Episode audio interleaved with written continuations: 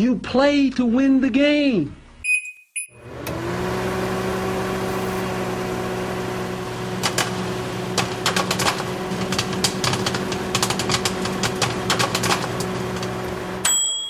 This is Graham Gano from the Carolina Panthers. Deluta til NFL Show It.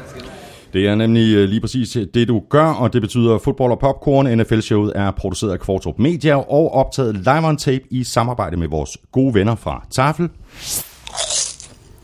Og vores mindst lige så gode venner fra Oddset på Danske Spil.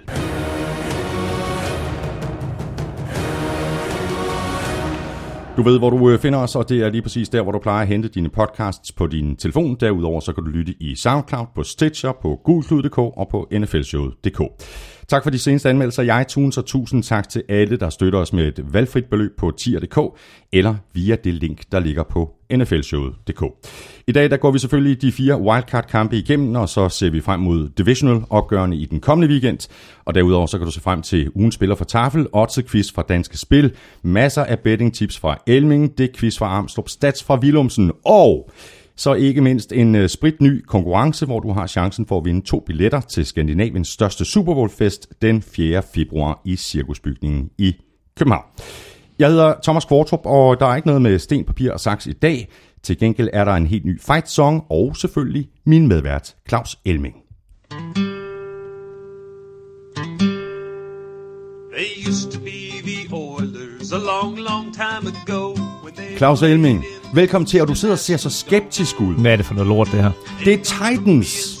Er det, deres, er, det, Titans fight song. er det seriøst deres fight song, det her? Det tror jeg. Jeg har ikke kunne finde andet. Og der er flere Titans fans, der har tweetet, linket og opfordret til, at vi skulle spille Titans fight song. Prøv nu at høre. Prøv nu at høre. Leading all the way.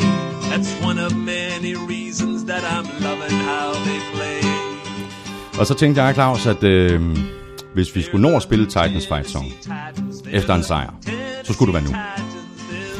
Ja, kan du ikke love mig, at det bliver den eneste gang? Ej, hvis de slår Ej, Patriots. hvis de slår Patriots, fair nok, så spiller vi dem. Det lover vi, så spiller vi dem igen i næste uge. Men altså, det her, det er jo, det, det, her, det er jo mere sådan en, en historisk gennemgang af Titans historie. Frem for en eller anden fight song, du kan få tilskuerne med til at, at ligesom, med på på stadion. Ligesom øh, San Diego Superchargers. Den har ikke, den har he, ikke helt det niveau, vel? Nej, men, øh, Men altså har, på den anden men side... det har de jo heller ikke. Så står de der med tommelfingeren i lommen og cowboystøvler og en cowboyhat på og står og rocker lidt. They used to be the Oilers. Na, na, na, na, na. Claus Elming, øh, velkommen hjem til Danmark. Du har været på en øh, kort lille skitur til St. Anton. Det er lige sådan en fire dages hyggetur med drengene, og øh, det, var, det var super godt. Det, var, det var dejligt. Så Men du fik uh, set fodbold. Uh, så du det sådan? Havde du din telefon med i baren til, til jeg så, afterski? eller? jeg så, jeg fik set alle fire kampe, de to af dem øh, live, og de to af dem øh, condensed. Og den ene så jeg på en bar faktisk, altså Chiefs øh, mod Titans så jeg på en bar om aftenen, den var jo 22.40 lørdag eller sådan noget. Mm. Uh, vi kom tilbage til, hvor meget jeg så, fordi jeg gik før tid. Uh, og uh, den anden uh, var Jacksonville Jaguars mod Buffalo Bills. Og der drak du dig hegnet. Nej, nej, nej, nej, der sad vi på en restaurant, øh, og alle drengene, de sad og spiste, og det gjorde jeg sådan set også, men, øh, men jeg havde lige telefonen kørende, og det interessante, det var, at der er et par af de der drenge, der var med, som jeg spillede fodbold med, de synes jo egentlig, nah, du, så kunne de godt lige komme ind og sidde ved siden af mig der, ikke? Så vi sad faktisk og så fodbold, mens vi, Hvor mens vi spiste. Ja, ja. Vi skal ikke drikke os i hegnet, Claus. Øh, Vi skal måske spise os i hegnet. Lad os gøre det. Du har styr på taffelsækken. Jeg har styr på sækken, som man siger. Som man siger. Ja, hvad er det, hun hedder hende fra Tafel? Christina, Ja, hende nævner vi hun ikke. er Tafels MVP. Det er hun, og det er hun ikke mindst, fordi hun har sørget for, at du får dine supersnacks. Værsgo, American Ranch. Åh, oh, hvor er det Ikke? Og så er der en klassiker, chili banase. Så har vi linsechips, meget, meget vigtigt her til vores tynde 2018. Præcis. Så er der øh, chicken pommes, de er faktisk ret gode, de der. Uh, Move the Sticks, en klassiker. Klassiker i American NFL-showet. Football. Og til mig, en lille personlig gave fra Christina. Chili Cheese Rings, den ligger lige der. Hvor er det godt. Hvad for en åbner du? Jamen, jeg tager da selvfølgelig Chili Cheese Rings. Okay. Gider du så at række mig Linsechips. linsechipsene, fordi jeg fortsætter kuren? Øh, Det gør du. Ja, det, er- det er morgen, middag og Man kan nærmest ikke se, man kan, du er helt tynd nu, allerede. Det er den fedeste kur ever. Ever.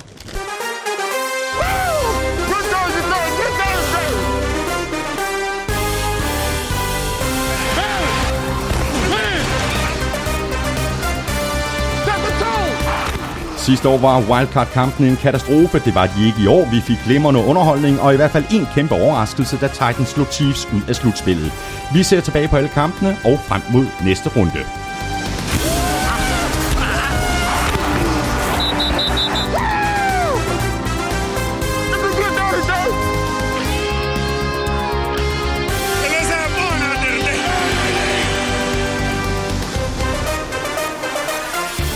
Der er nu otte hold tilbage. Det er blandt de to hold fra sidste års Super Bowl, og der er flere super matchups i Divisional Round. Eagles mod Falcons, Patriots, Titans, Steelers, Jaguars og Vikings Saints. Det kan kun blive godt. Jeg hedder Thomas Kvartrup, og med mig har jeg Claus Elming.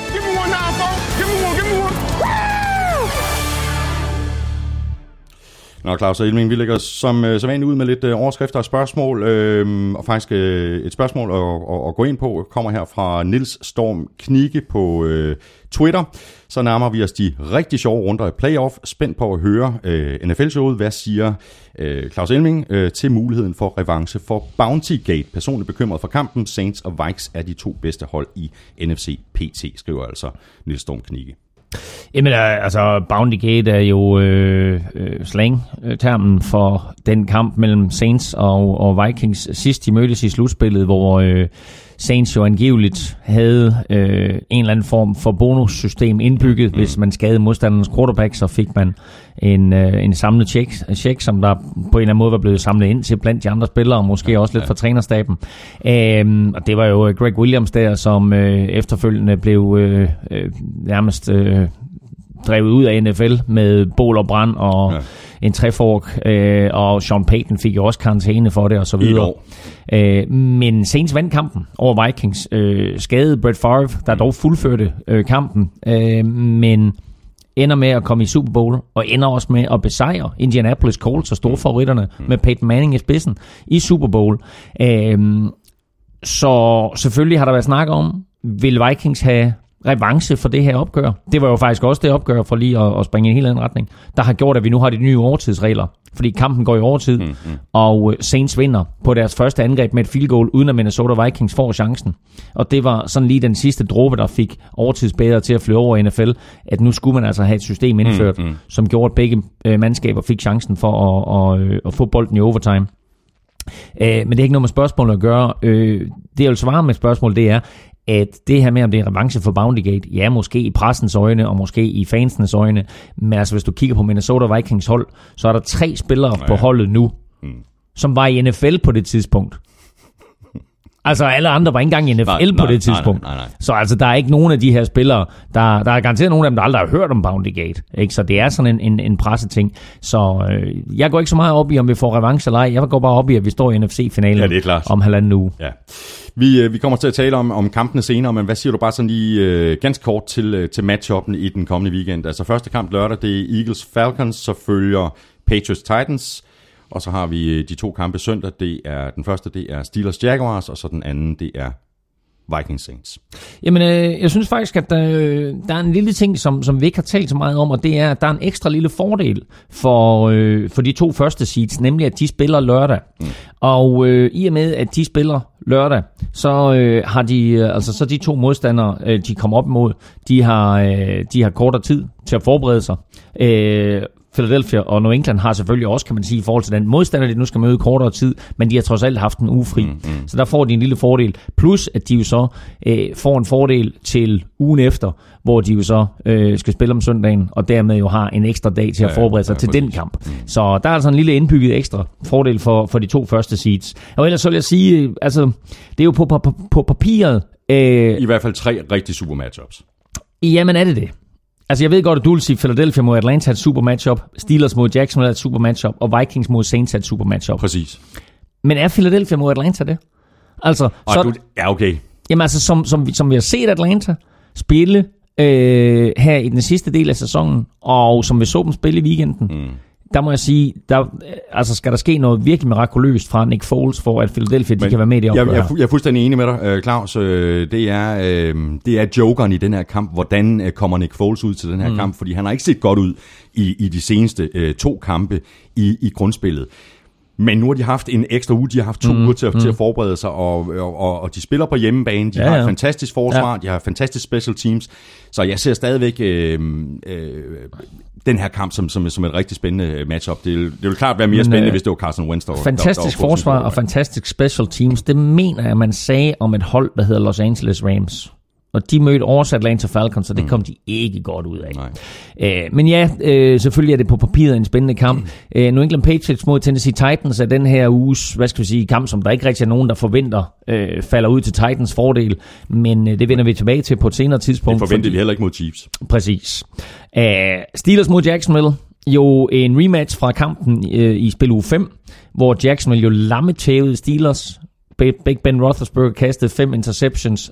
Jaguars returnerede to af dem til touchdown.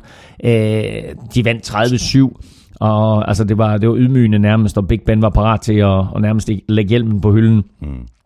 Og så den sidste, og øh, må- måske nok det mest spændende opgør, fordi det her det kunne godt vise sig at være de to bedste hold i NFC-halvdelen. Minnesota Vikings imod New Orleans Saints. Måske den reelle NFC-finale. Men altså, jeg skrev i min spilartikel i sidste uge, Atlanta Falcons, på det tidspunkt i sidste uge inden kampene, der gav de altså 25 gange penge igen for at vinde Super Bowl.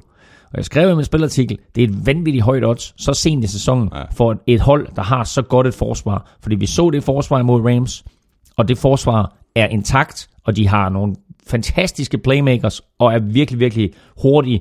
Det her, det kan altså godt blive Atlanta Falcons, som går hen og napper NFC, men det er der stadigvæk lang tid til. Lige nu, der har vi fire kampe foran os i Ja, weekenden, ja. som alle sammen på et eller andet niveau har et spændingsniveau. Så har vi et spørgsmål her fra Anders Petersen. Øh, Hvor mange og hvilke af de fire tabende hold fra wildcard-runden forventer I at se i slutspillet næste år, og hvorfor? Skal vi tage den fra, øh, fra en ende af? Mm. Øh, Chiefs først. Øh, jeg synes, der er kæmpe spørgsmålstegn i forhold til øh, Alex Smith, om han mm. bliver traded. Han blevet mm. rygtet til Browns, den stakkels mand. Mm. Øh, det er lige det, der mangler for, for Alex Smith og hans, mm. øh, og hans karriere. Og så øh, venter vi jo stadigvæk at se, øh, hvem der kommer til at blive øh, ny offensiv koordinator.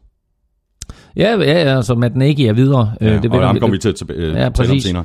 Øhm, jamen altså Chiefs, øh, altså ja, det helt store spørgsmålstegn er, hvad kan Patrick Mahomes? Ja. Vi så øh, lige en, en lille bid af, hvad han kan i spil uge 17, men øh, hvis de øh, fuldstændig øh, overlader øh, roret til ham, så må vi også sige, at øh, så tager de også en chance. Ja. Øhm, så øh, det er et godt hold, og de er godt coachet. Altså Andy Reid er jo blandt de bedste trænere i NFL, så de vil jo altid være øh, vel forberedt til alle kampe og til en sæson. Øh, AFC West, altså jeg kan godt lide Chargers.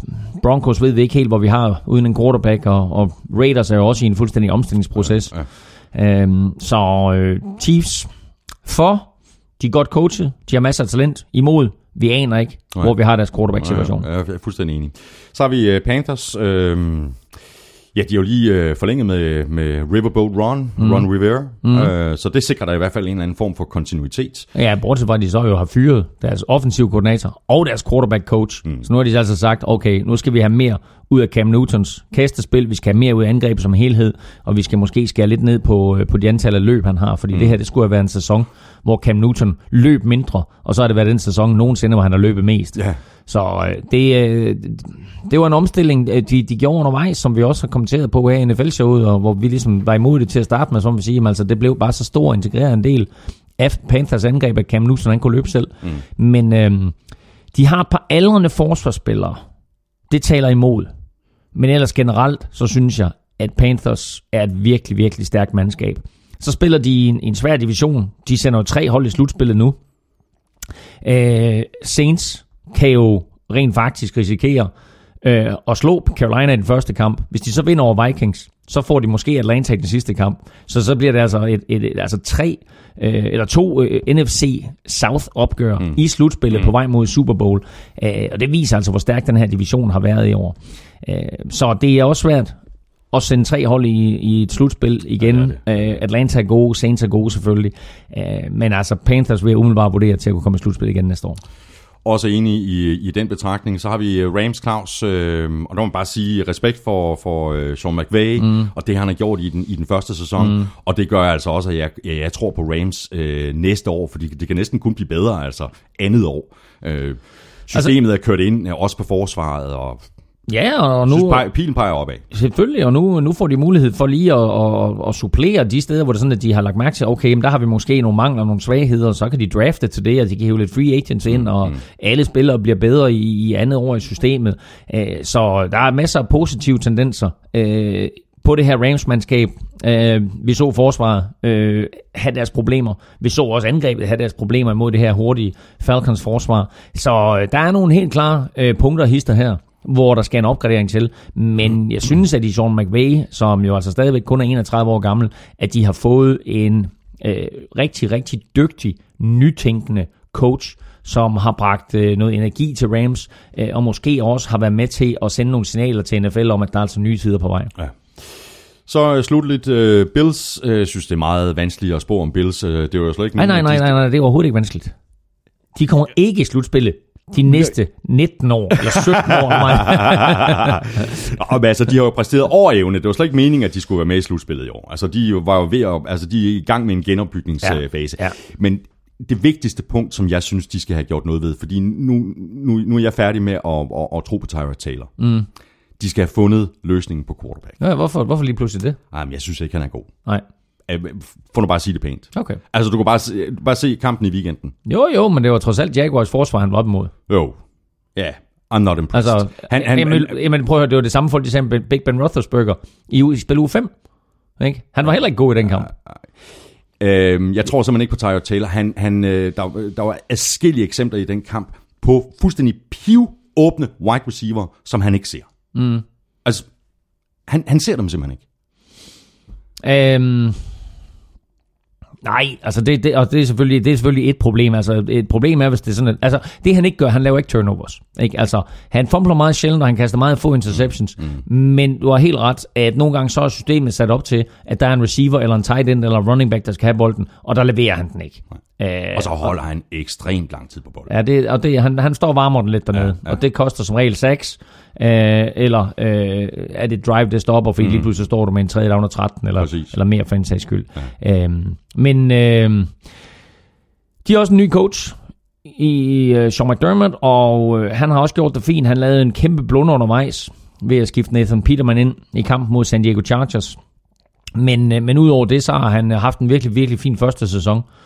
Og der er talent, og så må vi sige, at hvis de kan tage den her kommende draft, hvor jeg mener, at de har 12 draft picks, hvis de kan tage den og få noget talent ud af de 12 draft picks, mm. så er det klart, at så laver de et generationsskifte meget, meget hurtigt. Ja. Og så må vi håbe, at, at det generationsskifte foregår lidt hurtigere, end det har gjort i Cleveland Browns. Men altså, de er trods alt ni kampe, ni sejre foran Cleveland Browns på nuværende tidspunkt. Ja.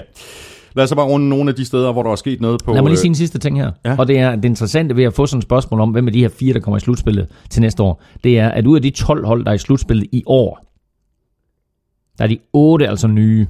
Det vil sige, 8 ud af de 12 hold, der er i slutspillet i år, de var ikke i slutspillet sidste år. Nej, det er vildt. Så der er en enorm udskiftning Ja, er der. der. Og derfor så selvom man ser et hold, du ved, have noget talent og så videre, jamen så kan det da godt være, hvad ved jeg, at folk de har luret Rams til næste år, og så mm. vinder Rams pludselig fire kampe. Mm. Men øh, altså, det, det er bare, og det er jo det, der er så fedt ved NFL, ikke? Fandme. Any given Sunday, any given year, du ved, alle har chancen. Mm.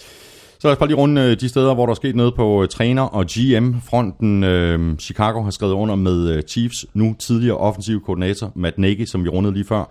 Han overtager efter John Fox, der blev fyret ved, ved årsskiftet. Hvad siger du til den øh, trænerhyring? Det gik hurtigt. Det gik meget hurtigt. Lad mig først lige sige en lille ting her, fordi øh, i sidste uge, der talte vi om, hvornår øh, coaches måtte øh, lave interviews. Og øh, jeg var nok ikke konkret nok i den måde, jeg besvarede det spørgsmål mm-hmm. på. Så lad mig lige hurtigt konkretisere, hvornår man må lave interviews. Inden slutspillet begynder, altså mellem spil uge 17 og første runde af slutspillet, der er der ingen coaches, der må foretage interview, undtagen fra de fire klubber, som sidder over. Når så wildcard-runden den er overstået, så må coaches, der har vundet deres wild- wildcard-runde, lave interviews mandag og tirsdag i denne uge, og selvfølgelig alle dem, der slår ud, må naturligvis også. Og ellers så må der ikke foretages interviews, før der så er den 14-dages periode mellem NFC og AFC-finalerne og Super Bowl, der må man så igen foretage interviews med eventuelle trænere, der måtte være i, i Super Bowl. Og alle, der er slået ud, er naturligvis fri til at lave interviews. Mm-hmm. Matt Nagy har sit hold, har sit angreb foran 21-3 ved pausen. Over Tennessee Titans. Den der, den er kørt hjem. Så ryger Travis Kelce ud, det vender vi tilbage til. Angreb går i stå. De taber. Så ringer Chicago Bears til ham og siger, prøv at høre, vi havde egentlig et interview legnet op med dig på øh, tirsdag. Øh, har du lyst til at skubbe det et par dage lige for at komme over skuffelsen? Så siger han, nej, jeg vil gerne lave det mandag. Mm. Så tager han op og snakker med Chicago. De holder et møde, der angiveligt varer fra klokken 8 om morgenen til klokken halv syv om aftenen. Det er et seriøst jobinterview. Ja, og så tror jeg faktisk, de giver at spise bagefter. Mm. Og dagen efter, der blev det offentliggjort. Chicago Bears og Matt Nagy er blevet enige om en kontrakt, at han nu skal være deres nye head coach. De vil gerne have Matt Nagy. De tænker, at vi går fra John Fox, defensive minded coach, til en offensive minded coach, der måske kan optimere, hvad vi kan få ud af Mitchell Trubisky. Matt Nagy har ikke været i NFL ret længe. Jeg mener, han fik sit første NFL-trænerjob i 2009. Det vil sige, her otte år senere, så har han nu gjort sig fortjent til at blive head coach. Han tager imod et job, der kun er 32 af i verden.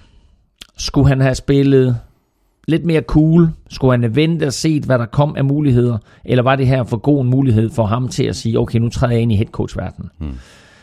Men der er et par andre klubber, som har brug for en ny head coach, der måske er mere attraktiv end Bears. Han kunne godt have spillet sin kort bedre, men han var også i den situation, han sagde, hold nu kæft, der er et hold her, der vil have mig som head coach. Ja, og som rigtig, rigtig gerne vil have mig som head Præcis, coach. Altså, præcis. De, de skulle jo ikke til at interviewe alle mulige andre. Lige de vil have ham. Ja, og, og det tror jeg også har spillet ind. Ja. Så Bears vil have ham, og han fik muligheden i en ret ung alder for at komme ind øh, og blive head coach for Bears. Og så har han, uden jeg kender ham særlig godt, så har han angiveligt sådan en karisma omkring sig, som er sådan typisk Chicago Bears-agtig, ligesom Mike Ditka havde. At han kommer ind og vil, og vil tage det her omklædningsrum på samme måde som, mm. øh, som Mike Ditka.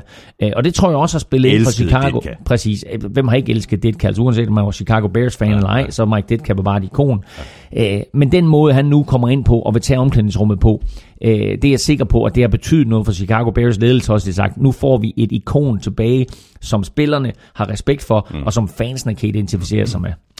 Og så er der i den grad også ny head coach i Raiders. Øh, John Gruden har nu skrevet Hvem? under på en øh, 10-årig kontrakt.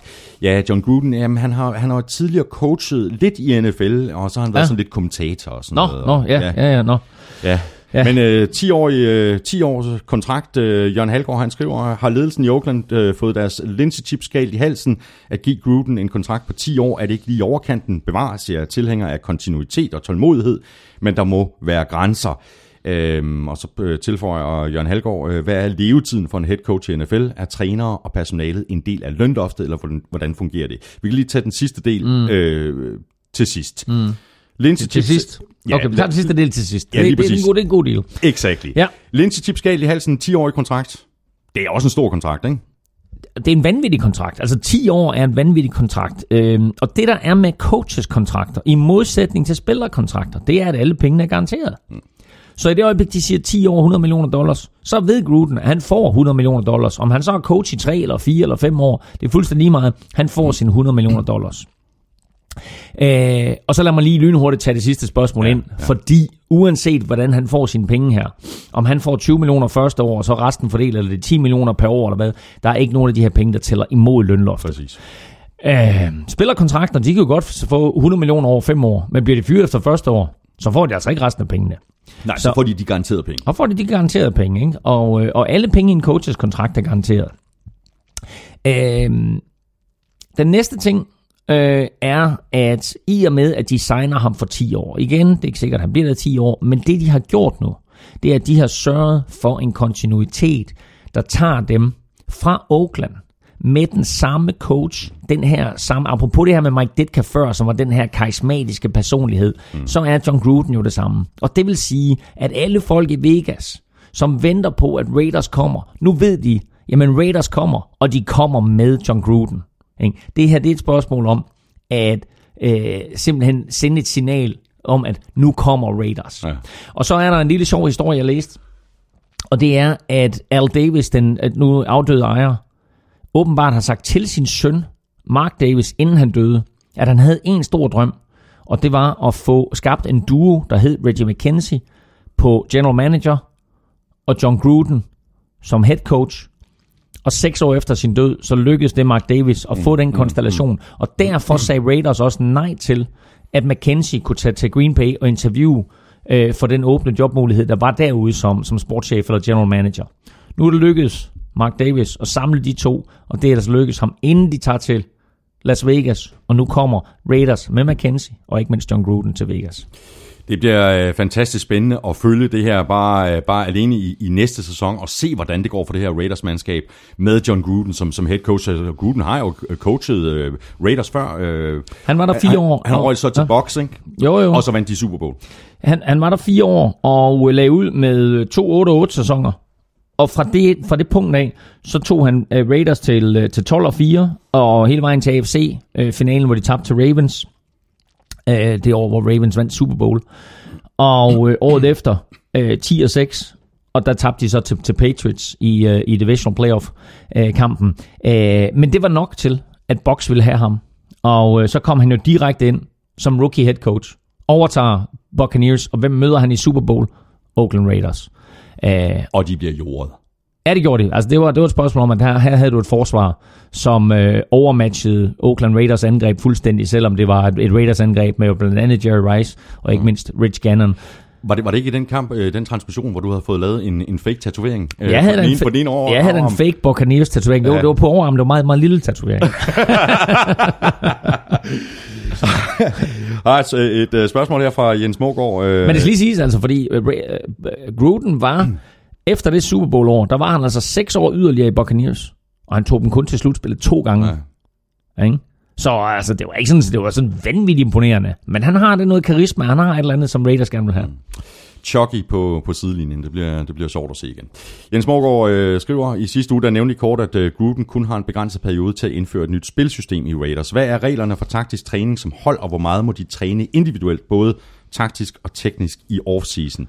Og så kommer der en anden del af, af spørgsmålet her. Øh, Jeg tænker på Garoppolo, der er godt nok spiller mm. i 49ers, og andre nye og gamle spillere, der vil kan bruge hele offseason på at lære deres playbook og de ændringer, der vil komme inden næste sæson og inden training camp. Kan det så passe, at Grudens nye playbook kun må trænes, skråstreg gennemgås, i den korte periode, I nævnte i sidste uge? Ja, det er fuldstændig korrekt. Han får en lille ekstra fordel, og det gør alle de nye head coaches.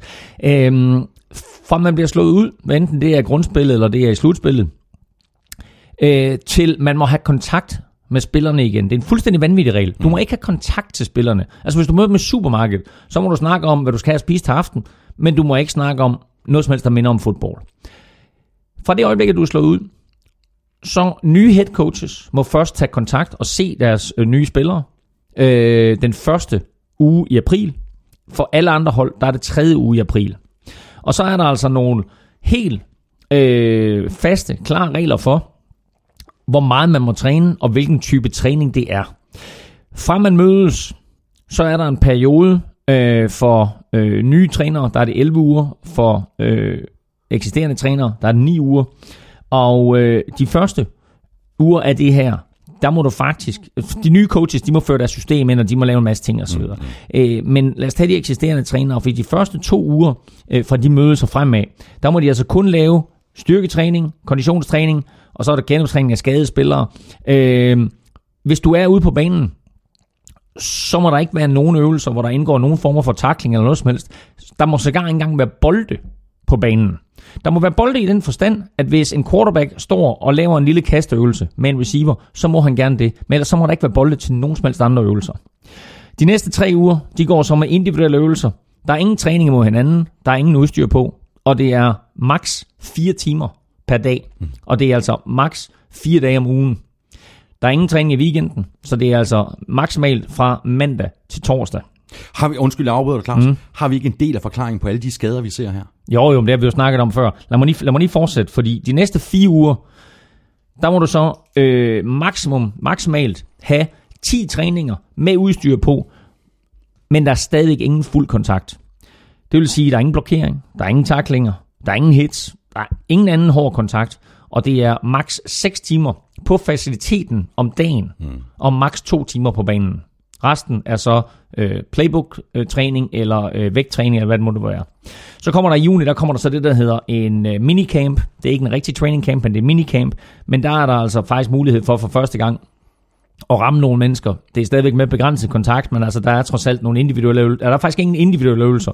Der er 7 mod 7 og 9 mod 7 og 11 mod 11. Der er ikke sådan noget one-on-ones eller noget i, i den retning. Øhm, og så øh, er der øh, den store training camp selvfølgelig, hvor man så begynder at have noget kontakt, men der er også begrænsninger på, hvor mange timer du må være på træningsbanen om dagen, øh, og hvor meget der kontakt der må være. Og alt det her, det er jo simpelthen skrevet ind i den overenskomst, der er mellem Spillerforeningen og NFL. Jamen altså prøv at høre, nu, nu, nu, nu ridser jeg det rimelig hurtigt op det her, ikke? og man sidder sikkert ude nu og kan ikke huske noget som helst af, hvad jeg sagde. Prøv at tænke på, hvor forvirrende det er, og, og, og, og hvor urimeligt det er også. Øh, at det er sådan, at du, du vil gerne øve for eksempel, øh, som Bruce Arians øh, har sagt, mit hold er et bump and run hold, det vil sige, mit forsvar spiller bump and run. Mm. Det kan jeg ikke øve. Jeg kan ikke øve bump and run med, med, med mine spillere, før det er sådan, at vi kommer i training camp. Så alle de her øh, helt specifikke individuelle øvelser, hvor der indgår noget fysik, dem kan du ikke træne, før det er sådan, at du mødes enten i minicamp eller, eller den store camp. En lille sidste ekstra ting her, det er jo, man kan man lægge mærke til, at alle spillere i NFL er lønnet fra spil u 1 til spil u 17. Det vil sige, at de eneste spillere, der får løn i playoffs, det er dem, der har en eller anden form for indbygget kontrakt. Kommer du, altså en, en indbygget bonus i deres kontrakt. Kommer du så også så langt, så får du en eller anden bonus. Mm, mm. Øh, opnår du de her de mål, så får du de bonus. Ellers så er der ingen, der får løn i slutspillet. Det samme gælder med alle de her det hedder jo, øh, med et fint ord, så er det OTAs, øh, de her, og det, det står for Organized Team Activities. Så hvis man nogensinde ser det udtryk, OTAs, så er det altså Organized Team Activities. Der er jo ingen, der får løn for det. Mm. Og det er der, også derfor, man samtidig ser øh, nogle spillere, der ikke møder op til OTAs. Alle de her OTAs er frivillige, skal man lige lægge mærke til. Mm. Øh, og der står også øh, udpenslet i, i den her overenskomst, at der må ikke på noget øh, tidspunkt gives udtryk fra trænerstaben om, at man forventer, at folk kommer. Mm. De er fuldstændig frivillige. Så kan der være nogen igen, som har en eller anden form for, for indbygget løn i det der system. Men jeg talte med Andreas Knappe om det her, og han siger, jamen han er jo sådan set øh, stadig på kontrakt med Colts, men han får ingen løn. Hvis han kommer til det her, så får han lige sådan, så han kan få til, som han siger, room and board, det vil sige noget at spise og et sted at bo, mm. og det er det. Mm. De fleste spillere, der kommer til det her, de får 215 dollars om dagen øh, for at være der. Og det er sådan nogenlunde standardtakst. Så lad os øh, hoppe videre til øh, Packers, der har skiftet ud øh, på øh, GM efter rigtig mange år med øh, Ted Thompson i spidsen. Øh, der er blevet fornyet indenfra Brian Gutekunst. Øh, Hvem? Han, Gutekunst. han har været scout, og han har været, jeg tror, han har været i, i, i Green Bay i omkring øh, 20 år. Han er altså blevet forfremmet til, til ny GM. Øh, fornyelse indenfra, er det, er det den rigtige øh, medicin til, øh, til Green Bay? Hvis jeg skal være helt ærlig, så nej.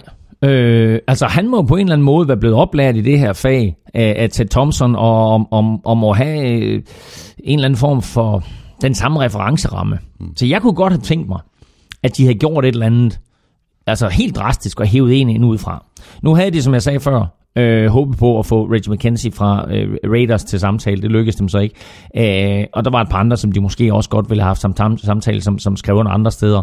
Øh, men altså, nu må vi se, øh, om der kommer nye boller på suppen. Han, øh, han er lidt yngre, øh, kunst, og, øh, og kommer med den her øh, baggrund som scout. Men man kan sige det her med, med baggrund som scout, det er fint nok, men det var jo også til Thompsons Præcis. baggrund. Præcis. Ikke? Og det var det her med, at du ved, jamen, altså, vi øh, satser nærmest 100% på draften, og kun en enkelt gang imellem hiver vi en free agent ind. Mm.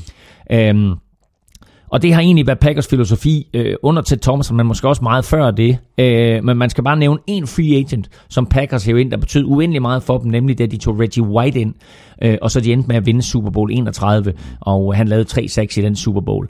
Øh, det er altså så meget, som en free agent kan betyde for dig. Så de er nødt til, jeg synes jeg, at ændre filosofi, strategi ja, på det punkt der. Og nu må vi se, om Gutekunst han er manden, der indfører det. Ja, ja fordi det er jo øh, den strategi, som, som rigtig, rigtig mange andre hold øh, de benytter sig af. Altså de ser på free agents, det er fint, vi får lukket nogle huller på rosteret. Det betyder, at vi står meget friere i draften, mm. at vi ikke skal reach eventuelt for at få dækket en, hvis man er, hvis man er tynd på cornerback, jamen, så vil man helt øh, automatisk reach for at få dækket hullet på cornerback. Hvis du har cornerbacken dækket mm. ind, jamen, så kan du tage cornerbacken, hvis han er den best player available mm. på det der tidspunkt, mm. eller også kan man gå efter en anden spiller, en anden position. Ja, ja, jo, altså det kan du sige, øh, der er jo nogen, der mener, du ved, at man altid skal tage best player available. Ikke? Så uanset, du ved, altså hvis det er en quarterback, der er best player available, så tag ham. selvom du egentlig har en god quarterback. Nu vil Packers nok ikke gøre det med Aaron Rodgers. På den anden side kunne det godt være, de gjorde det. Men altså, øh, der er sådan forskellige draft-strategier. Øh, en ting, man lige skal lægge mærke til også, som vi faktisk ikke nævnte, det var jo, at øh, øh, Ted Thompson blev jo øh, degraderet, øh, men i hele den her proces her, der fyrede Packers jo faktisk øh, deres legendariske defensive koordinator, øh, Dom Capers. Og øh, han er jo ellers altså sådan, altså, øh, især inden for, for zone blitz øh, med mere, der er han sådan lidt en levende legende. Øh, var defensiv koordinator for det Carolina Panthers mandskab, der kom i Super Bowl mod Patriots i sin tid. Øh, Super Bowl 38 jo. Sidste gang Justin Timberlake optrådte i Super Bowl. Det gør han igen i år. Øh, det var bare en sidetanke. Hvad hedder det? Men de har bedt om at få Gus Bradley til samtale. Så øh, de skulle angiveligt være interesseret i, i Gus Bradley, der tidligere mm, defensive mm, coordinator mm. for Seattle Seahawks og tidligere head coach for, øh, for Jacksonville Jaguars. Så interessant at se, om Gus Bradley han kommer derop. Og så har vi øh, en situation i øh, Titans. Mike Mularkey øh, overlever. Mm. Mm. Øh, jeg er ret sikker på, at øh, hvis de ikke var kommet i slutspillet, så var han røget. Og jeg tror faktisk måske også, at han kunne være røget, hvis de havde tabt til Chiefs.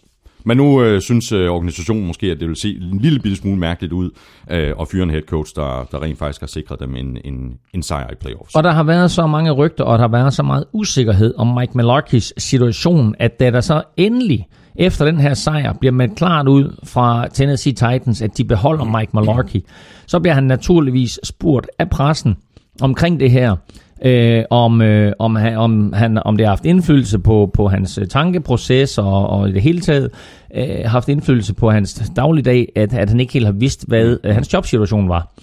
Og normalt ikke, så vil man jo køre øh, den politisk korrekte svarmetode og sige, nej, nej, nej, nej, altså vi har et job, vi skal udføre osv. Jeg tænker kun på den næste kamp. Han var benhård og, og svinede simpelthen, altså mere eller mindre, organisationen i Tennessee Titans til, og sagde, det her, det går ud over min familie, og selvfølgelig alt, hvad der går ud over min familie, det går ud over mig. Og øh, han synes ikke, at hele processen havde været fair, øh, men øh, nu var der da heldigvis meldt ud, at han fik lov til at fortsætte. Mm. Så, så rart med noget, noget ærlighed for en gang skyld, ja. og ikke bare sådan et eller andet, Nej. du ved, for en slader bare ind under gulvtæppet. Nej. Spørgsmål her fra Emil Lund. Øh, kunne en fyr som Nick Saban ikke være en god kandidat til et øh, head coaching job i NFL, efter at han øh, natten til tirsdag vandt sit femte National Championship siden 2008? Han har jo erfaring i NFL som head coach, hvor han var i Dolphins. Claus, jeg mm. mener faktisk også, at, at vi talte lidt om det her med college coaches i sidste uge, og jeg tror faktisk også, at vi mm. nævnte uh, Saban. Jo, vi talte jo om Saban lige nøjagtigt, fordi vi nævnte den her situation med, at, at han har været coach for Miami Dolphins, og, og som du pointerede, mm. at så trak han stikket midt i det hele. Ja. Uh, en lille detalje, som jeg kom i tanke om siden, det var jo, at uh, da han kommer ned og bliver head coach for Miami Dolphins, der har San Diego Chargers jo besluttet sig for... Sa- sagde jeg San Diego Chargers? San Diego.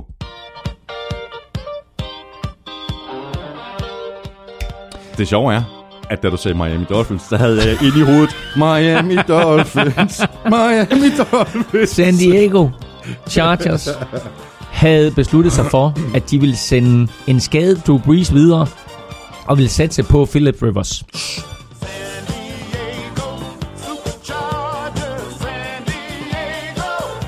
Chargers. Og Saban ville egentlig gerne have Drew Brees, men de tog ikke satse på ham, fordi han var skulderskadet. Og i stedet for så sagde de, vi henter ham, den der store, fænomenale quarterback, der løber rundt op i Minnesota, der hedder Dante Culpepper. Og Culpepper var ok i en periode for Miami Dolphins, uden at være prangende. Drew Brees er siden blevet NFL's mest præcise passer med omkring lige under 70% af sin kast ja, har han completed. Det er helt vildt. Så det er forskellen på Saints og Dolphins. Lige siden Saints har haft stor succes med Breeze. Dolphins Ja, hvad, hvad, hvad havde Sagan, uh, Saban, havde han, hvad var det, 26 kampe eller noget i den retning i spidsen ja, ja. for Miami, inden han trak stikket. Så øh, til spørgsmålet, ja, jeg tror ikke, han vender tilbage til NFL. Nej, men angiveligt, angiveligt er han meget interesseret i New York Giants-jobbet. Han vil meget gerne være head coach for New York Giants, så det kunne blive ganske, ganske jo. interessant at se, hvad de gør. Men Hvem vil ikke gerne være head coach for Giants? Hvem vil ikke gerne være head coach for Giants? En sidste lille pointe. Nick Saban i en position nu her, som vi også talte om, at han har over 100 spillere at gøre godt med i college, og han har ikke noget lønloft. Han har ikke nogen draft, han har ikke alt det der. Han er i stedet, han er, han er head coach for en af de største skoler, en af de mest populære fodboldskoler. Og spillere, som har lyst til at spille på college-niveau, der har talentet til det, de siger, vil jeg spille for Minnesota? Nej. Vil jeg spille for UCLA? Nej. Har jeg lyst til at spille for Tennessee? Nej. Vil jeg spille for Alabama? Hell yeah. Hell yeah, jeg vil spille for Alabama. Så han får helt per automatik mange af de allerstørste talenter ind at lege med. Og der er han bare underlagt nogle helt andre regler i NFL. Ja, præcis. Lad os op videre, Claus, til al den her ballade, der har været i, øh, i New England omkring Patriots i den forgangne uge. Det tog dig øh, muk med lang tid at komme til det. Ja, men det er fordi, der er sådan et logisk forløb. Nå, hvis, nå. Du, hvis du nu Jamen, jeg har aldrig tilbage, så- forstået det logiske forløb. der. det er skide godt. Øhm, Andreas Ingberg spørger, øh, hvad siger I øh, til hele den her Kraft og Brady versus Belichick øh, situation, som blandt andre ESPN har skrevet en stor artikel om. Og skal jeg også godt nok lige love for, at der er blevet skrevet den ene historie efter den anden. Øhm, jeg tror, det er fuldstændig ude af proportioner. Tror du? Ja, det tror jeg. Jeg ved ikke, hvor meget der er ude af proportioner. Lad os lige hurtigt ridse sagen op. Uh, angiveligt, så uh, har Bill Belichick gjort klar til, at Jimmy Garoppolo skal ind og overtage som startende quarterback. Så bliver Tom Brady pisur og går til Robert Kraft, ejeren, og fortæller ham om det her. Og de to har været igennem tygt og tyndt sammen, og Brady har givet ham fem mesterskaber. Øh, så kan man vente om at sige, det har Belichick vel også. Mm. Men der er sådan en eller anden bånd, nærmest far-søn bånd mellem Brady og Kraft, at øh, Kraft han går til Belichick, og så siger han, øh, nu sender du ham der Jimmy Garoppolo afsted, og så får du et eller andet for ham. Øh, og så går Bill Belichick ud, og tillykke til dig. Så sender han Jimmy Garoppolo til 49ers mm, for tak. noget så øh, enkelt som et anden runde pick. Mm. Og øh, angiveligt var Tom Brady pludselig øh, meget mere lykkelig, gladere, øh, mere jovial, og øh, situationen i New England er nu den, at Bill Belichick efter det her angiveligt ikke ønsker at være der længere. Tom Brady er den startende quarterback, og øh, Robert Kraft har blandet sig i fodbolddelen, hvilket Bill Belichick af princip siger, en ejer skal aldrig blande sig i fodbolddelen. Han skal stå for økonomien og alt det der, og de mm, omstændigheder. Han skal aldrig blande sig i noget, der har med hold, coaching eller taktik at gøre. Jamen, det, det, bliver, det bliver interessant. Altså, der kommer garanteret øh, flere og, og, og nye historier om, omkring det her. Jeg så også øh, her, til, her til morgen, der så jeg, at øh, Brady havde udtalt sig i et interview. Nej, jeg mm. ud og røv. Jeg var da ikke glad dengang, hvor jeg så øh, øh, skoene og, og, og, og hælen og ryggen af Jimmy Garoppolo, mm. der var på vej til, til at tage et fly til, til San Francisco. Øh, men altså, så, så, selvfølgelig er der, altså, der, der, der, der er sjældent øh, røg, uden at der også er et lille bål. Mm. Øh, og det er selvfølgelig fuldstændig uholdbart, øh, hvis det virkelig er sandt, mm. at Kraft han har blandet sig og undermineret Bill Belichick. Så hvad gør Bill Belichick, hvis det her det er sandt? Kunne han være interesseret i at tage til New York og blive head coach for New York Giants? Det kunne han da. Og det, det er, altså, prøv at høre, vi er i gang med slutspillet. Alt bliver fejret ind under gulvtæppet. Og naturligvis er der ingen ballade på de interne linjer. Lad os nu se, når sæsonen er forbi, hvad der og de har sker. sendt en fælles pressemeddelelse ud. Alt er fryd og gammel. Altså, da, da den her historie kommer ud, og den er jo, den er jo imødeset i hvert fald i 24 timer, hvis ikke 48 timer, fordi ESPN har været i stand til at bruge de sociale medier til at fortælle, at de har en vild historie under opsejling. Øh, og da den så endelig kommer ud, så går der, der går vel sagtens 24 timer, så kommer der en fælles presmeddelelse ud fra Kraft og Belichick og Brady, om at øh, selvfølgelig er der ingen ballade på de interne linjer. Vi har været igennem så meget, os tre sammen. Vi vil altid stå sammen, øh, et cetera, et cetera, et cetera, ikke? Altså, feje, feje, feje, ikke? Mm. Øh, hvem løfter gulv til? Løfter du gulv til Brady, så fejrer lige det her lort ind under, ikke? Øh, det er, altså der er, jeg vil sige, der er et stort bål et eller andet sted, og der er masser af røg, mm. og lige nu, der har de altså været i stand til på en eller anden måde at få smittet brandtæppe ud over det der, fordi der er et eller andet i gære, som ikke er kommet frem endnu. Ja, og så har vi altså øh, den offensive koordinator og den defensive koordinator, der er øh, to af de helt store navne i forhold til de head coaching mm. øh, positioner, mm. der er, der er mm. åbne. Mm. Og det, det gør selvfølgelig også, at der, der er mange, der spekulerer i, kan vide, om det her det er Patriots, som vi har været vant til at se dem de seneste ja, 15, 16, mm. øh, 17 år, mm. at den æra, den er på vej til at slutte.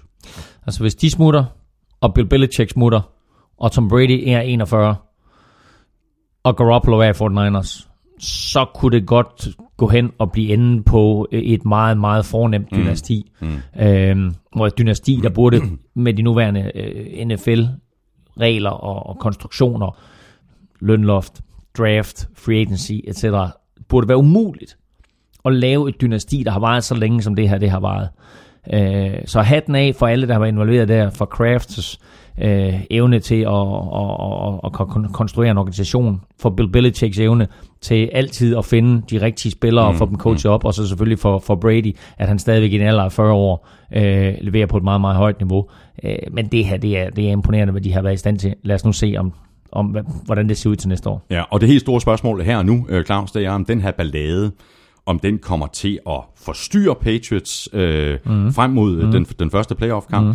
eller om det er øh, benzin på bålet. Nu, nu taler vi om, om der, ja, ja. Er, der, der er et bål, der brænder et eller andet sted. Om, ja. om det kan være, være med til at, at skærpe øh, sulten hos øh, Belichick og, og Tom Brady og resten af holdet for, for at vise, hey, vi er her stadigvæk, og nu skal I bare se, hvad vi kommer med. Og vi har så at se dem, når de, når de er blevet sure over et eller andet, ikke? Når, når tingene er gået imod dem, eller de har følt sig uretfærdigt behandlet, at så øh, går de ud og så trumler de alt og alle.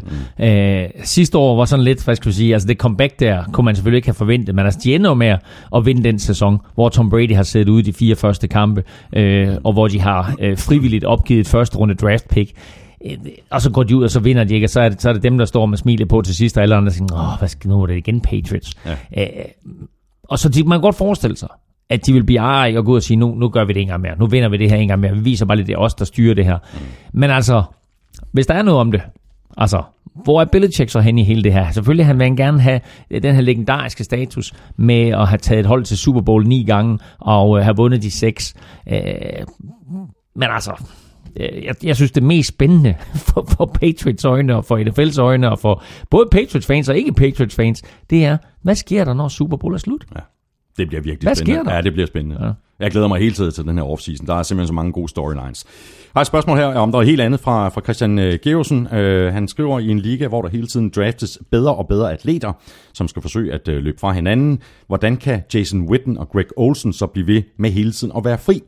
Ingen af dem, og især ikke Witten, løber fra nogen længere.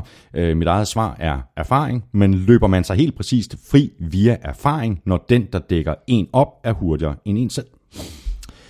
Rigtig godt spørgsmål. Jeg vil sige, der er flere ting i det der.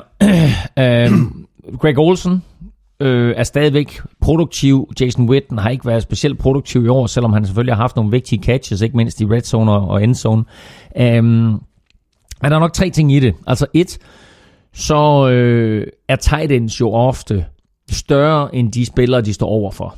Altså hvis en tight end øh, løber en lille kort out, så løber han jo ofte ud mod en cornerback, øh, og der er han bare større. Mm. Øh, en tight end, du ser det Gronkowski gør det, du ser også Craig Olsen gør det, du ser andre af de store tight ends gøre det, kan jo ofte, også ned igennem midten af banen, hvor han måske møder nogle linebackers, og måske en strong safety, som er nogenlunde på størrelse med ham, selvom igen, altså mange af de spillere, de er mindre end tight endsene, øh, der kan han jo med sin krop afskærme modstanderen, og simpelthen sørge for, at altså, han har sin krop mellem bolden og modstanderen, og så er det bare et spørgsmål om, kan modstanderen ramme ham hårdt nok til, at bolden kommer fri?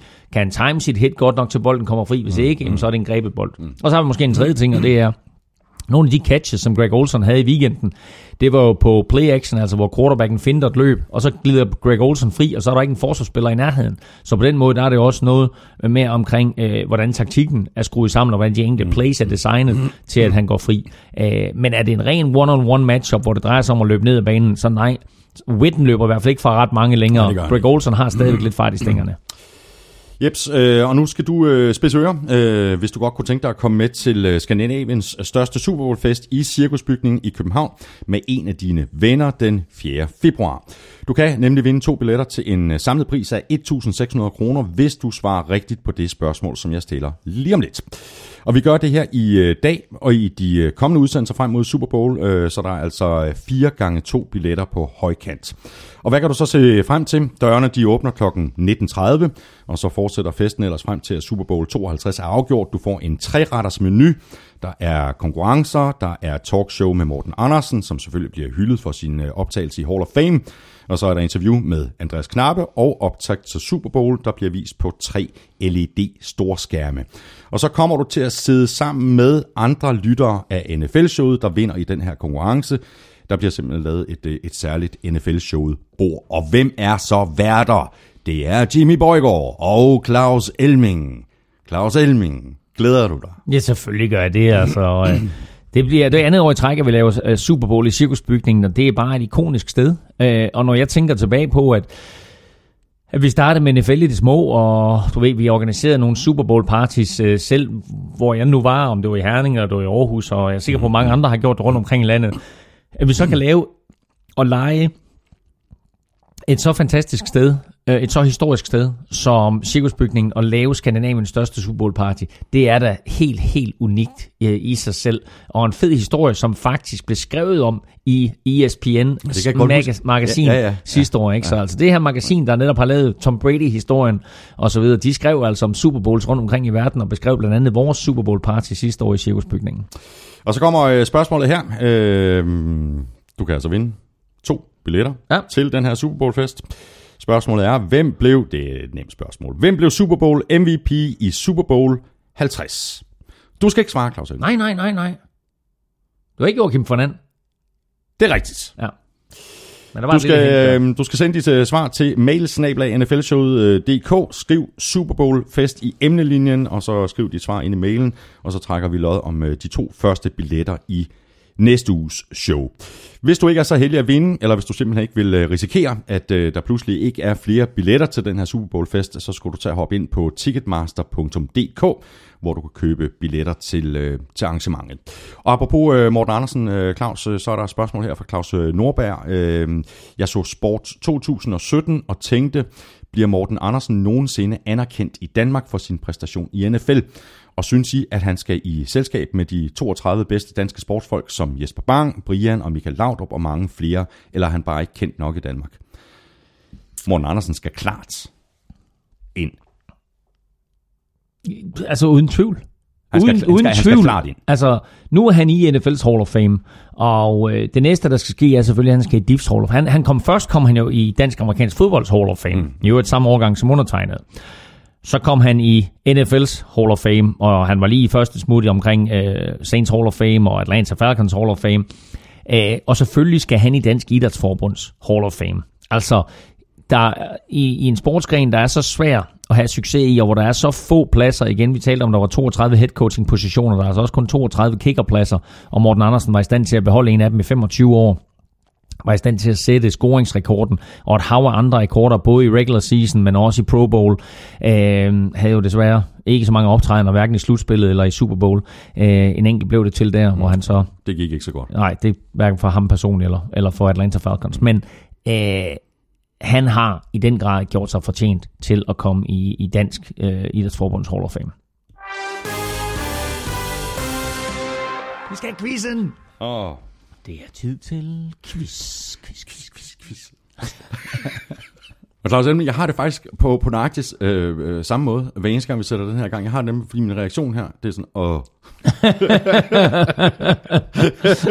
Nå, ved du hvad min reaktion er? Jeg, jeg begynder sådan automatisk at smile på en eller anden måde. ja, ja, men det er også sjovt. Ja. Godt. Jamen, øhm, Blake Bortles løb i weekenden 88 yards. Han kastede 87 yards. Mm-hmm. Dermed blev han den tredje quarterback i historien, der løb for flere yards, end han kastede i en playoff sejr. Ja, Okay? ja. Hvem er de to andre? Can't do it. Det, øh, jeg tror ikke, han den ene. Så øh, jeg vil sige, at den ene er, den ene er forholdsvis nem, den anden er svær. Øh, Jeg vil give dig... Jeg vil give Ej, dig ej, nu har jeg skrevet ned her. Er det den nemme eller den svære? øh, han er ikke på. Nå! er du sikker? Ja. Ja. Nå, vi vender tilbage til, hvad du Ja, ja, skrev det skal- der. ja, ja, det vi skal, ikke, vi skal ikke øh, ødelægge noget for vores kære lyttere, men øh, der er to. Og øh, ja, men øh, der er to andre, der har gjort det. Den ene forholdsvis nutidigt, den anden lidt længere tilbage, men trods alt med en vis logik omkring, hvorfor han netop gjorde det. Okay. Du skal ikke snydes for øh, Armstrongs øh, dækquiz, og hvis der er nogen, der vil øh, følge Armstrong, så kan man gøre det på Twitter på snablag Doc Armstrong. Quizzen den kommer her, og han er jo Bills-fan. Ja, ja, Buffalo kom i playoffs, men der var ikke rigtig noget reelt payoff. Kampen endte selvfølgelig med Peterman picked off, på en dag, hvor begge angreb tog en ufortjent day off. Mariota blokerer, Titans comebackerer, Matt Ryan Rams udraderer. Kun syv kampe tilbage, det er for lidt, vi vil have flere. Giants, Bears, Lions med flere fik træneren roasted, mens Belichick nu så mange playoff-kampe har coachet. Altså, hvor mange playoff-kampe har Bill Belichick coachet i sin tid i New England og i Cleveland? Og du sidder der og smiler, du har... Nej, det er bare, ja, det er, fordi det er vanvittigt spørgsmål, så vil det ikke bare være venlig at trykke på den der can't do it, så må jeg se, om jeg kan regne mig frem til eller andet. Can't do it. Ja, du kan godt begynde at regne nu, ikke? Ej, det er helt sygt det der. Til gengæld vil jeg gerne have lige nu, at du trykker på breaking news-knappen. Knappen. Åh, oh, kom her.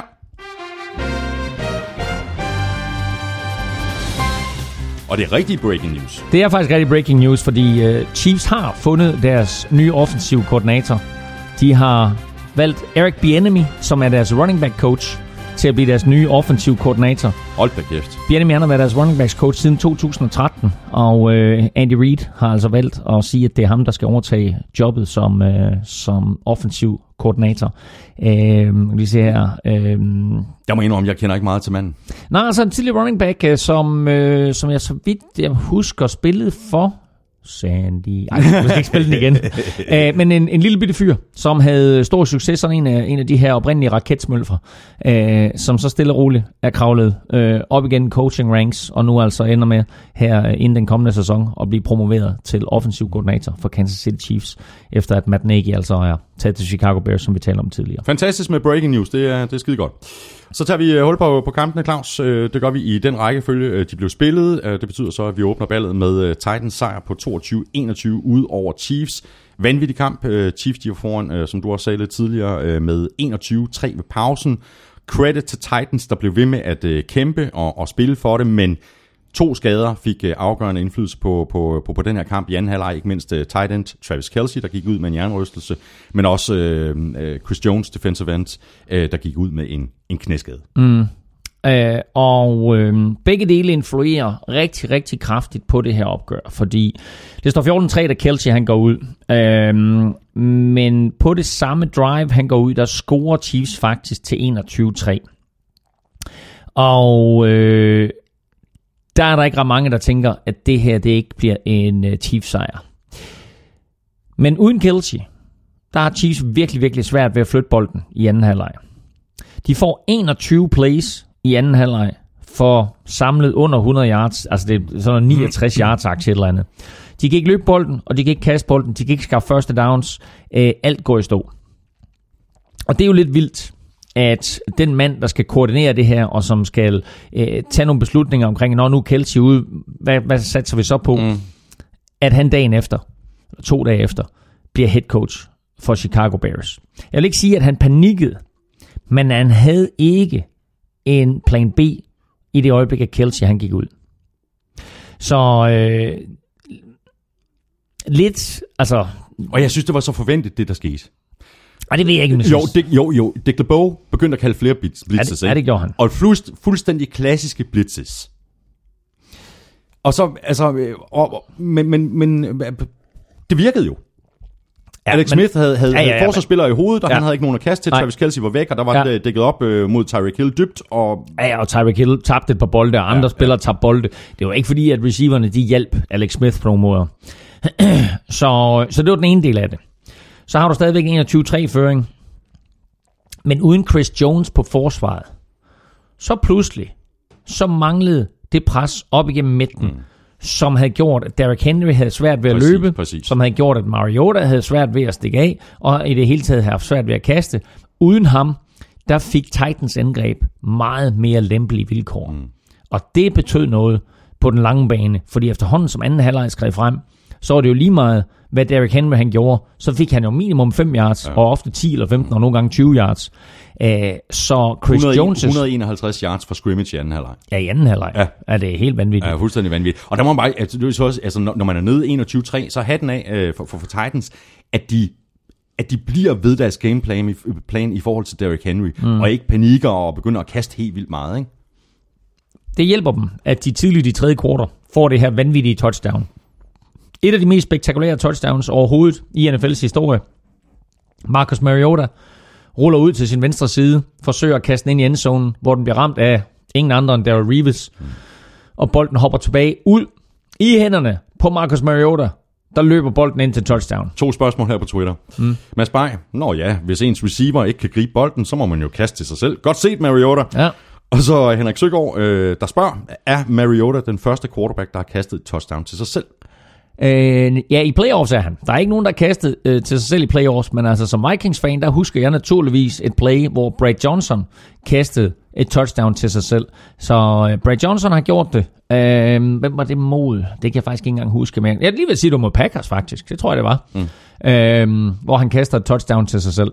Øh, igen, øh, der helt op tæt på line of scrimmage bliver den slået op, og så griber han den, og så løber han ind i endzonen. Mariotas bold var altså helt inde i endzonen og rammer der Reeves så hårdt, så den springer tilbage ud af endzonen. Og har man ikke set det play, så gå endelig ind på gul klud og se det, fordi det ligger derinde, og det er et af de, ja, måske det vildeste touchdown hele året. Ja. Jeg synes, uh, Mariota han faktisk spillede bedre, da Titans de blev tvunget til sådan at sætte tempo på angrebet. Er du enig? Altså, øh, det kan godt være, at de blev ved deres gameplan, men de gik jo meget no-huddle, fordi de havde ja. selvfølgelig brug for at få, øh, for, få en masse plays afsted, og, og, og, og skulle jo hente den her 18-points føring. Øh, men ja, altså han var quarterback i Oregon, og da han var der, der, der var øh, meget af hans succes kom jo på baggrund af, af no-huddle, og der er ingen tvivl om, at det er noget, han godt kan lide, og han er dygtig til det. Og det var ligesom om, at da han fik lov til at overtage meget øh, af playcalling, der er selvfølgelig en hel del stadigvæk, der er bestemt fra sidelinjen, men når det kommer ind, og han så står derinde, mm. så er det ham, der vurderer, holder vi fast i det play her, eller kører vi noget andet? Og det er ligesom om, at det fik han virkelig, virkelig stor succes med. Øhm, og øh, det gav Titans angreb noget helt andet dynamik. Selvom det var meget løb, og selvom det var meget Derrick Henry, og det var meget Derrick Henry i venstre side, så også en form for uforudsigelighed. Øh, og, altså, og, og ikke mindst jo effektivitet. Mm. Så øh, altså, jeg glæder mig til at se, hvad Titans de gør rent offensivt imod Patriots. Det gør også. Det kan fordi, vi lige om lige, lige fordi det kunne blive ganske interessant, ja. at de lægger lidt mere ja. ansvar over på Mariota. Ja, og må så ikke også, at uh, Titans uh, trænerstab, de kigger på ham af Derrick Henry og tænker, hmm, kan vide, må ikke vi bare skulle have brugt ham en, en del mere i løbet af sæsonen? Jo, men altså, øh, nu har vi snakket så meget om Exotic Smash Mouse. Øh, det her var bare Smash Mouse. Der var ikke noget exotic. Det var bare, giv bolden til Derrick Henry, mm. og så bare lade ham løbe med bolden. Og nogle af de her running backs, som får nogle vilde statistikker og har nogle vilde kampe, det gør de, fordi de får lov til at løbe bolden 20 eller 25 gange. Ikke 4 eller 6 eller 8 gange, som Derrick Henry har gjort, fordi da Marco Murray også kunne have sine 6 mm, eller 8 mm. eller 10 carries, mm. og Marcus Mariota også kunne have sine øh, 6 eller 8. Her, der fik han lov til at være featureback, og bare få lov til at pounde igen og igen og igen ind i det her Chiefs-forsvar, der til sidst ikke havde noget modsvar. Mm. Øh, og selv da Chiefs havde behov for at stoppe dem, så var Derrick Henry for stor en mundfuld for dem. Mm. Og fantastisk blokering, Mariota han laver. Altså, den, ja, han øh, giver bolden til Derrick Henry og løber sig selv ud øh, og blokerer øh, rundt om hjørnet, og ja, og Derrick Henry får, hvad får han, 20 yards på den eller et eller andet, ikke? Steve Young øh, sagde i, i pausen om Alex Smith, at det her det var en af de bedste quarterback-præstationer nogensinde i slutspillet. Og jeg tænker på Alex Smith, stakkels mand, der måske havner i Cleveland. Mm. Øhm, hvis Chiefs havde vundet den her kamp, så kunne han meget vel være blevet MVP for den her kamp. Ja, og øh, som jeg sagde øh, i indledningen, så gik jeg tidligt for den her kamp, fordi øh, jeg nåede lige at se Marcus Mariota score til 21-10, og så tænkte jeg, at jamen fint nok, men det her det er overstået. Øh, men øh, da jeg stod op næste morgen, og fandt, fik ud af, fandt ud af, at Titans havde vundet 22-21, så sådan lidt. What? Undskyld, hvad? Ja. Sebastian Lyt, øh, der er en til dig her, Claus. Ja, tak. Uh, how the fuck? Til dem, der er gået i seng i pausen, har I ikke lært noget af Super Bowl 51. Jeg gentager mig selv. The fuck? Jamen altså, ja, og, og det er også helt crazy.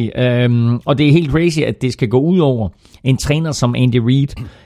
Um, fordi, som jeg nævnte tidligere, en af NFL's bedste trænere, men altså, der er et eller andet med ham og slutspil og store føringer, fordi nu i kampe, hvor han har været foran med 18 eller flere point ved pausen, der har han altså tabt begge kampe. Han har været foran to gange med 18 eller flere i weekenden her, og så i, det der, i den der vanvittige 2013-kamp imod uh, Colts, oh, hvor de var foran... Det var endnu værre, ja. ja, jeg tror, de får en 21-0 faktisk. øh, og de ender med at tabe 45-44. Øh, han er 0-2. Fantastisk comeback af altså, Ja, ja, Andrew. Luck. Ja, ja, Altså, det var, det, ja, ja, og der var også et crazy touchdown med Andrew Ja, Luck, som, ja, ja. hvad var det, han, han fumblede, og så løb han bolden ind selv. Der var også et eller andet vanvittigt touchdown den kamp. Nå. Men alle andre trænere i NFL's historie, alle andre trænere i NFL's historie, i 69 kampe, hvor et hold har været foran med 18 point ved pausen, der er de 67 vundet. Så 67-2 står det til alle andre coaches. Mod Andy Reid 0-2. Ja, det, er træls. det er træls. Det er træls. Øhm, så lad os bare kigge øh, frem mod øh, matchuppet. I, øh, Ja, lad os lige, lad os lige, jeg lige nævne, jeg lige nævne øh, to ting, tre ting faktisk. Mariotas fumble på øh, et løb ud i venstre side, undskyld, løb ud i højre side, hvor dommerne siger, at... Det var- øh, Jeg har faktisk et spørgsmål Okay, okay, om ja. det. Andreas Ingeberg, der spørger, i slutningen af anden Ja. kvartal bliver Mariota sagt og fumbler til synligheden af bolden. Øh, den blev dog ikke kaldt, og det er åbenbart på grund af forward progress, mm. men skal man ikke etablere sig som løber, inden forward øh, progress gælder? Åh, men det, der, er- han, han er etableret som løber, det er ikke så meget det. Øhm, men øhm, altså i det øjeblik, han løber bolden, så er han løber. Øh, men de har fat i ham. Og jeg synes, altså det er kun fordi, det er en quarterback, at, øh, at, at de vælger at sige, at han er in the grasp, eller forward progress er stoppet, mm, fordi han fumbler bolden der, og så er det været Chiefs bold. Øhm, dernæst, da Titans kommer foran, der går Øh, der går de efter to. Igen bliver Mariota sækket. Og så fumbler han bolden, og igen kalder de, at hans forward progress var blevet stoppet. Havde det været alle, andre end en quarterback eller et eller andet, så er det der været en fumble. Bolden bliver returneret til en to-point scoring, som bliver annulleret, fordi dommerne siger, at altså, at quarterbacken var stoppet. Mm. Og sent i kampen, der er der en fumble øh, på Titans-spil, hvor Derek Johnson samler bolden op og returnerer den hele vejen til touchdown, og det spil bliver også kaldt tilbage øh, efter review og sagt, at det ikke er en fumble. Jeg synes, der er tvivl om alle de tre spil. Ja, det synes jeg også, og man kan bare sige, at, at, at stadion, dengang, øh, da den her, øh, den her fumble, mm. den bliver returneret til touchdown, ikke? Altså, der, der går jo et minut, før at, de, at, at, at tilskuerne og holdet i virkeligheden finder ud af, nej, den er kaldt tilbage. Ja. Altså, Dommer. Og, ja. Og dommeren var Jeff Triplett. Og øh, han og hans crew var under kraftig beskydning efter den her kamp. Og dagen efter, der melder Jeff Triplett ud, at han går på pension. Ja. Så han tog altså konsekvensen af en øh, meget uheldig dommerpræstation. Man skal ikke tage noget som helst væk fra Titans comeback og deres sejr i det hele taget, og måske Derrick Henrys øh, breakout party. Men altså det her, det var ikke en, øh, det var ikke en god situation for NFL's coaching. Og jeg vil lige sige en enkelt ting, der er lidt sjovt med hensyn til, til, til ikke coaching, undskyld, øh, do- dommer, øh, dommerstab. Øhm, jeg vil lige sige en enkelt ting, som er, er lidt interessant med hensyn til, til NFL's måde at sætte dommercrews sammen på, det er jo i løbet af de 17 grundspilsuger. Der har alle dommerne, de har et nummer på ryggen, og så bliver de vurderet, og der kommer nogle officielle karakterer, og de og de dommer har gjort det godt. Og så som en eller anden form for bonus for sæsonen, så får man så lov til at dømme i slutspilskampe. Mm. Men det er ikke et dommercrew, der gør det. Det er dommer sat sammen fra forskellige crews. Så kommer der en referee ind, i det her tilfælde Jeff Triplett, og så får han øh, seks andre dommer rundt omkring fra øh, ligaen, som han så skal gøre til et crew på en given lørdag eller søndag. Vil du ikke meget hellere stille op Med, med det samme crew med, igen og med, igen. Med, med det samme crew, som du kender igen og Na- igen? na- naturligvis. Du har øh, alle de der små procedurer, du ved, når altså, hvis John han løber derover, så tager Michael den derover og så videre. Jeg har det her og så videre. Her der skal du til nærmest at coache et helt crew til at fungere sammen. Og selvfølgelig ved de alle sammen, okay, jeg er headlines, men det her det er mit job, jeg er umpire, det er mit job, etc., etc., etc. Øh, men du skal stadigvæk have en eller anden form for kontinuitet. Og det synes jeg faktisk er en lille fejl, selvom det selvfølgelig er en stor ære og øh, bonus på en eller anden måde, også økonomisk, og få lov til at dømme i slutspillet, og ikke mindst i AFC NFC-finaler, og selvfølgelig det ypperste i Super Bowl. Men det er stadigvæk syv dommer, der kommer fra vidt forskellige crews, vidt forskellige baggrunde, mm. måske endda gør ting på vidt forskellige måder, som skal sættes sammen. Og jeg synes faktisk, at det her var et dårligt eksempel på, eller et skidt eksempel for NFL på, hvorfor lige nøjagtigt det system ikke fungerer. Så lad os se frem, Claus. Øhm, Titans skal til New England. Øhm, hvis de forsøger sig, Dick LeBeau, han forsøger sig med, med at kalde de der blitz der mod Tom Brady, så tror jeg, han skal finde på en anden plan. Fordi hvis der er en, der er god imod blitz, mm. så er det Brady. Ja, øhm, Titans skal have Altså, vi har jo set blueprintet for, hvordan man stopper Patriots. Det er at få lagt pres på Tom Brady med de fire op foran, og så være hårdhændet ved receiverne øh, op tæt på line of scrimmage, så Brady han ikke får lov til at kaste de her små, korte kast på 3-5 yards, og så receiverne øh, skaffer yards efter catchet. Øh, og dernæst så find en eller anden måde, hvor vi kan tage Gronkowski ud af kampen på. Det må være Titans indgangsvinkel til den her kamp. På defensiven. Ja, på defensiven. Jeg snakker ikke om offensiven, når jeg snakker om Tom Brady vel, på defensiven. Du skal ikke se... vi kommer til offensiven lige om lidt. Det er glimrende. Godt. Fordi det er fint nok, at man har blueprint. Men har du spillerne til at udføre det? Mm, præcis. Øh, og det kan, blive, det kan blive en udfordring. Har dine spillere, der kan tage øh, Gronkowski ud af kampen? Næppe. Men altså, de må så på en eller anden måde øh, variere deres forsvar så meget, så, så Brady ikke nødvendigvis kan gå til Gronkowski hele tiden. Noget mand til mand, noget zone, noget måske endda dobbeltopdækning på Gronkowski. Mm. Men det vigtigste for Titans i den her kamp, det er, at de er i stand til med de fire forreste at lægge pres på Tom Brady. Øh, Titans er faktisk rigtig, rigtig gode imod modstandernes kast. Fjerde bedst i ligaen i år. Og det er noget, det er måske den ene ting, man kan sige, at Titans de gør rigtig, rigtig godt, som måske passer virkelig, virkelig godt øh, til det her matchup imod New England, nemlig at deres kasteforsvar er så godt. Og så kommer så den næste lille ting, ikke? det er, jamen Patriots har haft succes nu her i den sidste måned til halvanden med at løbe bolden med Dion Lewis. Så altså et, jamen det er fint nok, hvis du kan tage Tom Brady ud af kampen, men nu har vi pludselig et andet aspekt, som hedder Dion Lewis. Mm. Æh, så der er rigtig, rigtig mange ting her, er som er det hele det her skakspil, vi altid taler om. Er Titans i stand til det ene, jamen kan Patriots så gøre det andet? Æh, det, altså, det er ikke nogen det er ikke nogen er ikke- nem matchup Ej, på det er det papiret for, det er for det. Titans, Ej, det det er her. det bare ikke. Men, øh, men altså, nu har de overrasket en gang. Og som du selv nævner, at det er muligt, de smækker øh, to mand på, på Gronkowski. Mm. Men det gør jo bare helt naturligt, at så er der altså huller andre steder. Øh, selvfølgelig, og det vil der være.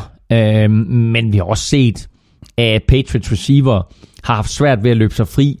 Øh, de har øh, uden tvivl savnet Jul- Julian Edelman mm. øh, i år. Øh, til at starte med, der betød det ikke så meget, at vi tænkte, nå, men altså, det endnu en gang bare next man up.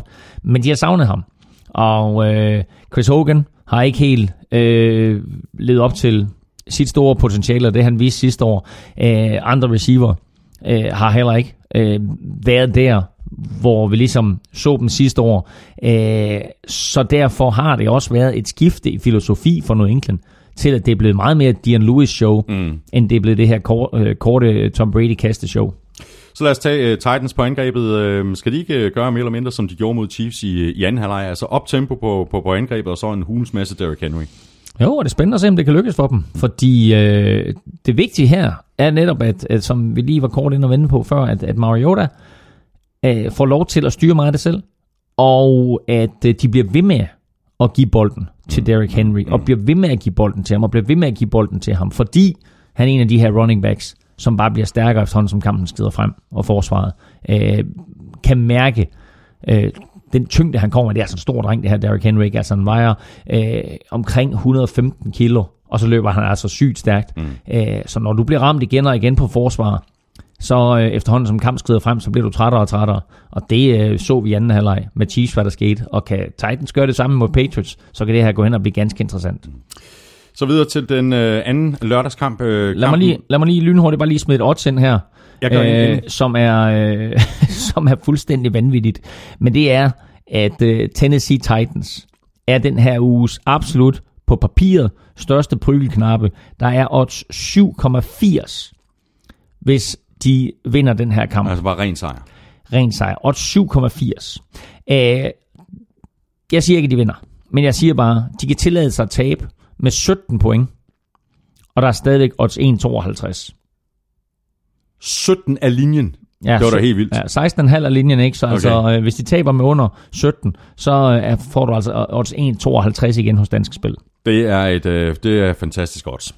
Så taler vi øh, Rams-Falcons øh, kamp, som, øh, som Falcons øh, dominerede og, og vandt med 26-13 øh, 13 point til det højst scorende angreb øh, hele sæsonen. Og så havde øh, Rams Special Teams heller ikke sådan den bedste dag på kontoret. Rams Special Teams fik deres kicker, deres punter og deres returner, Farrell Cooper, med i Pro Bowl. Og øh, Farrell Cooper var en katastrofe i den her kamp. Det var han bare. Øh, to af hans fejl øh, udmyndter sig i Falcons scoringer, øh, giver henholdsvis et touchdown og et field goal, øh, og det gjorde jo ikke sagerne nemmere for Rams. Når det så er sagt, så var Farrah Cooper og øh, de her manglende plays på special teams, hvor de ellers har været stærke hele året Rams, det var ikke historien i den her kamp. Historien var Atlanta Falcons forsvar. Fordi det her forsvar, som Dan Quinn har samlet sig øh, over de sidste tre år, hvor han har brugt Seattle Seahawks-modellen øh, og skabt et, øh, et Legion of Boom øh, på vestkysten, eller østkysten er det selvfølgelig, øh, en, en Legion of Boom på østkysten der i Atlanta, med hurtighed, med nogle virkelig dygtige spillere, med nogle cornerbacks og nogle safeties og en Dion Jones på linebacker, og for en sags skyld en fremragende linje, de er virkelig, virkelig gode. Og de har gjort det virkelig, virkelig godt igennem de sidste to måneder. Og man skal bare lægge mærke til, at Falcons, som jo mange havde afskrevet og sagt, at de er ikke nær der, hvor de var sidste år. Og det kan godt være, at de ikke er det offensivt. Men defensivt, der er de helt blandt de bedste. Falcons har altså vundet syv af de sidste ni kampe. Jeg vil sige, at de sidste ni kampe der er det 7 og 2. Og det er måske sådan en statistik, der går lidt hen over hovedet på de fleste. Og det er jo ikke sket på baggrund af et fuldstændig øh, vanvittigt luftshow af Matt Ryan. Overhovedet ikke. Det er sket på baggrund af et forsvar, som bare har været i stand til at lukke modstanderne ned. Og øhm, jeg skrev i min ugenlige spilartikel også øh, sidste uge omkring det her Falcons forsvar, at de havde holdt modstanderne i hele december til 17 point i snit. Det var altså to gange Saints. Det var Panthers, det var Vikings. Jeg kan ikke huske, om det femte hold var. Men det var altså ikke helt uefter modstandere. Mm. Ikke? Og nu går de ind, og så holder de øh, Rams i den her kamp til, til 13 point. Der har scoret i snit 29,9 po- point hele sæsonen. Så altså en øh, virkelig, virkelig fornem præstation af det her forsvar. Og det her forsvar kan bide skære med, med dem alle sammen. Mm. De kan lukke ned for Eagles i weekenden, så står de pludselig i NFC-finalen. Og øh, så får de Saints eller Vikings. Dem har de spillet lige op med begge mandskaber. Vikings var heldige at slå Falcons, og øh, Falcons slog Saints en gang, godt nok uden Camaro, mm. og tabte sig Saints her i forrige uge, men altså, det, er, det bliver ganske, ganske Jeg troede på, på Falcons i sidste uge, jeg sagde, at det, det der måske kunne blive, blive afgørende, altså det der sådan ligesom var, var, var, var blyløjet på, på mine vægtskåle, da jeg skulle vælge mellem Rams mm. og Falcons, var, at de stod i situationen sidste år. Øh, Flere af spillerne har været der. Sean McVay, øh, rookie head coach for, for, for Rams, øh, et nyt øh, ungt hold. Var det det, der blev øh, udslagsgivende? Og der er også noget med, med, med Rams øh, spilkald på, på angrebet. Jeg tror, der var 45 kaster, 16 løb. Jeg synes ikke, de brugte girly Gurley nok. Øh, jeg synes, det virkede, virkede, virkede underligt, som, som Rams øh, kom ud, især på angrebet. Øh, ja, det er, altså, øh, det er en interessant pointe. Det, det man kan sige, der er, det er, at øh, Falcons helt klart gik efter at begrænse øh, Gurleys antal boldberøringer. De kan selvfølgelig ikke begrænse, hvis, hvis, hvis Goff bare stikker øh, bolden i, i maven på, på Gurley, og han så løber. Men de kunne begrænse det antal catches, han havde på de her små screens og andre mm, spil, mm. som Rams har haft succes med. Øh, og når han så greb de her små screens, så var de der bare. Så var Keanu Neal der, øh, så var Robert Alford der, så var Dion Jones der, de var der hele tiden. Og hvis du sådan kigger statistisk på det i løbet af sæsonen, så øh, har øh, Todd Gurley hver evig eneste gang, han har rørt bolden 20 gange i den indeværende sæson. Hvis han har haft 20 boldberøringer, enten det var løb eller øh, catches, hvis han har haft 20 boldberøringer, så er Rams 9-0. De syv kampe, hvor han ikke har haft 20 boldberøringer, der er de 2 og 5. Mm. Og han havde 18 boldberøringer i den her kamp. Godt nok fik han 111 yards, så det er jo sådan en ganske udmærket snit på 18 boldberøringer men de holdt hans produktivitet nede, og dermed også Ramses produktivitet, Ramses evne til at flytte bolden, Ramses evne til at konvertere tredje downs, og dermed så blev det her en kamp, som Falcons forsvar dominerede og i sidste ende vandt. Mm. Og som du også var, var, var lidt inde på, øh, Claus, lige før, øh, så var det jo ikke sådan det store airshow fra, fra Matt Ryan og company på, på Falcons angreb. Øhm, ikke sådan de store, øh, altså de store lange spil, og ikke den samme eksplosivitet, som, som der var sidste år. Øhm, jeg synes egentlig, at uh, Sarkisian kaldte en, en, en rigtig god kamp. Øh, mm på offensiven, især i anden halvleg, hvor jeg synes, at det, det var ret tydeligt, at man, man brugte Devonta Freeman øh, rigtig godt, og så en masse små, hurtige kast fra Matt Ryan, der hele tiden blev ved med at flytte bolden, og som trævlede Rams forsvar op. Og Matt Ryan var jo sensationel i den her kamp. Det er noget af det bedste, vi har set ham spille. Og øh, Julio Jones, som jo har været en, en mangelvare i endzonen i år, øh, var der jo lige pludselig. Øh, så øh, alle de her øh, finesser, som vi var vant til at se fra Ramses, eller for undskyld, fra Falcons angreb, øh, de var der ikke helt på samme eksplosive niveau, som, som vi måske var vant til øh, sidste år, eller sidste sæson, men, men, men de var der, og, og du kunne se, at det frustrerede Rams, mm. at de kunne ikke finde ud af, hvor bolden gik hen, og, og når de så vidste, hvor bolden gik hen, altså, så var der igen store spil øh, fra, fra nærmest alle, inklusiv altså, øh, på et vigtigt tidspunkt i kampen, et, et, øh, var, det, var, det, var det 50 yards catch af Mohamed Sanu, hvor han ja, viste ja. virkelig, virkelig god fart i stængerne. Øh, så hele tiden en variation mellem, om det var øh, Tevin Coleman, eller det var øh, Freeman, eller Julio Jones og Mohamed Sanu, der fik bolden. Austin Hooper havde et par vigtige catches. Øh, så en, en jeg synes, virkelig, virkelig fornem præstation af Matt Ryan. Og en lille interessant statistik, det er, at Matt Ryan ikke har kastet en interception i slutspillet siden hvornår, Thomas? Du aner det ikke. Det er Nej, det gør- meget. det jeg giver jeg dig svar, men, men, men grunden til, at jeg spørger dig, og spørger lige nøjagtigt dig, hvornår han sidst gjorde det, hvorfor er det? Var det mod 49ers? Det var mod Fort Niners i NFC-finalen i 2012. Jeg kan ikke engang huske, at han kastede en Nej, der interception kaster han en interception. Det er den sidste interception, han har kastet i slutspillet. Til gengæld, så har han ikke kastet tre touchdowns siden NFC-finalen for i år imod Packers. Mm.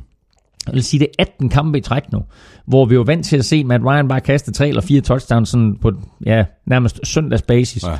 Så øh, er det altså blevet lidt mangelvare. De har så ikke helt behov for det. Øh, fordi her, der var det sådan med et spørgsmål om, at, at de flyttede bolden kontinuerligt. Men altså, vi mangler jo stadigvæk at se den der eksplosive output, som vi, som vi øh, altså alle elskede at se øh, Matt Ryan og company spille fodbold øh, forrige sæson. Ikke? Øh, så får de det, og kan de nå at skabe det? De har tre kampe tilbage. Kan de nå at skabe det, så har de et vildt forsvar. Og så ved vi, at der et eller andet sted latent inde bagved, mm-hmm. gemmer sig et meget, meget eksplosivt angreb. Og Julio Jones scorede touchdown. Det var det, jeg sagde. Ja. Så hvad hedder det, det her? Det, altså, jeg siger bare, det her Falcons hold, man skal ikke afskrive dem. Nej. Ni bolde til Julio Jones, han greb et touchdown. Han har faktisk kun scoret øh, tre touchdowns i år i regular season. Og nok så vigtigt, så vandt øh, Falcons også øh, time of possession overline den, der 37,5 minut imod 22,5 minut. Og det, det har selvfølgelig en, en, en kæmpe indflydelse på, på, på, hvordan sådan en kamp den, øh, øh, den baserer, ikke? Jo, ja, og det har det jo, og det, og det var jo det her med, at de blev ved med at flytte bolden, og du kunne se, at det frustrerede Rams, at de kunne ikke komme, øh, de kunne ikke komme af banen, og hele tiden, altså du er ikke, det, var- der var jo ganske, ganske få drives, hvor det var lange kast, øh, det var hele tiden, var det bare sådan kontinuerligt, bare blive ved med at flytte bolden, og Matt Ryan ramte altså hele tiden mm. de rigtige receiver, enten det var running backs eller tight ends, eller som vi nævnte, øh, Julio Jones eller Mohamed Sanu, så, så var det altså bare øh, en imponerende indsats, og så blev de ved med at løbe bolden for en gang skyld. De havde 32, eller de havde faktisk flere, øh, fordi Julio Jones også løb bolden, og Matt Ryan sågar løb bolden, men, men 32 løb til sammen af Devonta Freeman og Tevin Coleman. Endelig så vi den her kombination af de to. Endelig så vi øh, Steve Sarkisian ture bruge dem Ja på den måde her. Det var faktisk lidt imponerende. Øh, igen, altså jeg må sige, jeg elsker at se øh, Devonta Freeman løbe bolden. Øh, og det er jo ikke fordi, at de får vanvittigt meget ud af det. Øh, Devonta Freeman 18 for 66, udmærket stats uden at være prangende. Tevin Coleman 14 for 40, øh, jo lige omkring 3 yards per carry. Mm, mm. Øh, så heller ikke noget vanvittigt. Men bare det, at de blev ved og blev ved og blev ved. Det er også Øh, vigtigt, hvornår, hvornår løbende de kommer, om det giver en ny første down, om kæderne bliver ved med at blive flyttet. selvfølgelig. Altså, det er jo det, Ja, der er afgørende. Ja. Øhm, en anden, der er money, det er Matt Bryant. Altså, jeg vil sige det på den måde. Vi kunne godt have nomineret Matt Bryant til ugens spiller øh, i den her uge, fordi øh, nu valgte vi så at tage Julio Jones, og han er selvfølgelig en større stjerne end Matt Bryant, men øh, på et tidspunkt, hvor, hvad står der? Øh, Falcons må være foran med 6. Øh, står der 19-13 der? Eller hvad står der? Jeg lige ved at tro, der står 19-13, der står der 16-10. Jeg tror, der står 16-10 til Falcons. Der sætter de altså Matt Bryant ind til at forsøge et 58 yard field goal. Det er nogenlunde lige så gammel, som han selv er. Øh, og han laver den der 58'er. Og der er bare en enorm stor forskel, fordi hvis han ikke laver den, i og med at han laver den, så de får med 9. Hvis han ikke laver den, så får Rams altså bolden på 48 linjen Og øh, så er der altså kun 52 yards til touchdown. Så det der var et super vigtigt spark. Et, laver han den. To, har trænerstaben tillid til, at den gamle mand, han går ind, har men det mentale og det fysiske overskud til at få den der hammer op mellem stængerne. Imponerende Nej, af Matt Bryan, det er det bare. Øh, og en super, super kamp af ham. Skal vi lige runde nogle uh, Rams-spillere? Uh, vi kan starte på, uh, på forsvaret. Aaron Donald bliver vi nødt til at nævne. Altså, uh, muligvis uh, ligaens bedste defensivspiller. Jeg kan ikke se, at han ikke vinder Defensive Player of the Year. Nej, heller ikke. Han har spillet så godt hele året, og den her kamp, der er han en enmands her. Han kan ikke alene ødelægge øh, Falcons succes, og det faktum, at Falcons de vinder den her kamp. Men altså, hvis der var en spiller, der var tæt på at gøre det, så var det Aaron Donald, ja. fordi altså, han var umulig at blokke Han, han ødelægger jo simpelthen uh, Falcons offensiv linje. hele tiden. Hele Ikke? tiden. Altså, øh, de er jo godt klar over, at de ikke kunne nøjes med at lade en mand blokere ham, så de har to mand på ham hele tiden, og det var han nogenlunde ligeglad med. Og statsen, altså, det er jo her, hvor stats nogle gange ikke uh, fortæller hele historien, Ja. ja. det gør de i hvert fald ikke her. Nej. Fordi han er, han er noteret for fem taklinger, et halvt sack og, en, og, og så en takling for tab. Mm. Altså, de, de er jo intet i forhold til den indflydelse, han har nej, på nej, det for, her forsvar og på den kamp. nej, for det må være utroligt forvirrende for Matt Ryan at stille op, og så se, at der står et telt nede øh, bag ved ham, hvor Aaron Donald han bor i. Fordi han var dernede, han var i deres backfield hele tiden. Hele tiden.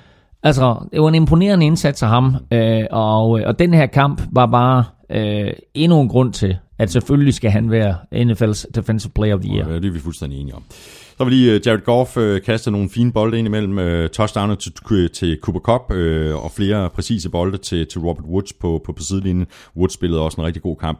Jeg synes ikke, der var meget rytme i Rams angreb. Der var pres på, på, på, på Goff i, i, i lommen, og han completed kun omkring lidt over 50-53 procent af sin kast. Uh, 24 af 45 for 259 yards, mm. så et enkelt touchdown.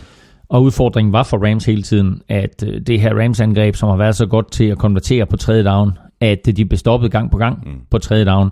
Så øh, det var et, øh, et Falcons-mandskab, som jeg tror havde kigget lidt på den måde, Vikings havde succes med at stoppe Rams på, og, øh, og brugt de samme tendenser og var klar over, jamen altså, det er fint nok, vi kan godt tillade et yards på første og anden down, men altså sørger vi for at stoppe dem på tredje down, mm. Mm. så skal de ponde. Og, øh, og det blev Rams altså tvunget til mange gange. Og som du selv nævnte før med time of possession, når, når Falcons de havde bolden, så kørte de og kørte de og kørte de og kørte de og brugte en fryg- frygtelig masse tid, og det er jo en klassisk taktik, når du spiller mod et, et eksplosivt angreb. Bedst måde at holde dem fra endzone, det ved selv at have bolden. Præcis. Og øh, 37 minutter i time possession, det er bare en vild statistik. Ja. Der bliver forsvaret øh, træt. Jeg har kun en enkelt ting øh, mere noteret. Øh, Sammy Watkins øh, har ikke haft en helt stor effekt for Rams i den her sæson, efter han øh, kom til øh, Los Angeles. Øh, han greb en bold for 23 yards på fire targets. Han er free agent. Øh, mm. Han sendt videre? Ryger han videre til en anden klub? Øh, ja, det kunne man godt forestille sig. Altså, de har fået væsentligt mere ud af, af Robert Woods, og, og ikke mindst af, af deres rookie Cooper Cup. Øh, jeg synes jo stadigvæk, at, at Sammy Watkins er en fabelagtig receiver. Øh, men altså... Øh, han, altså man kan sige, at det han gør, Sammy Watkins, det er, at han tager jo ofte toppen af forsvaret, blæser dybt og, og, og hjælper de andre øh, med at komme fri. Og sådan en er du nødt til øh, at få fat i, øh, eller have på dit hold. Øh, men dem kan du finde øh, flere af. Mm. Øh, så jeg kunne godt forestille mig, at Sammy Watkins røg et andet sted hen. Ja, det kunne jeg også. Falcons, de er altså videre. De spiller ude mod øh, Eagles og Nick Foles. Vi, vi talte allerede øh, lidt om det indledningsvis, øh, Claus. Øh, hvis øh, Eagles de stillede op med Carson Wentz på quarterback, så, øh, så sagde jeg Eagles. Mm. Nu hælder jeg altså mod, øh, mod Falcons.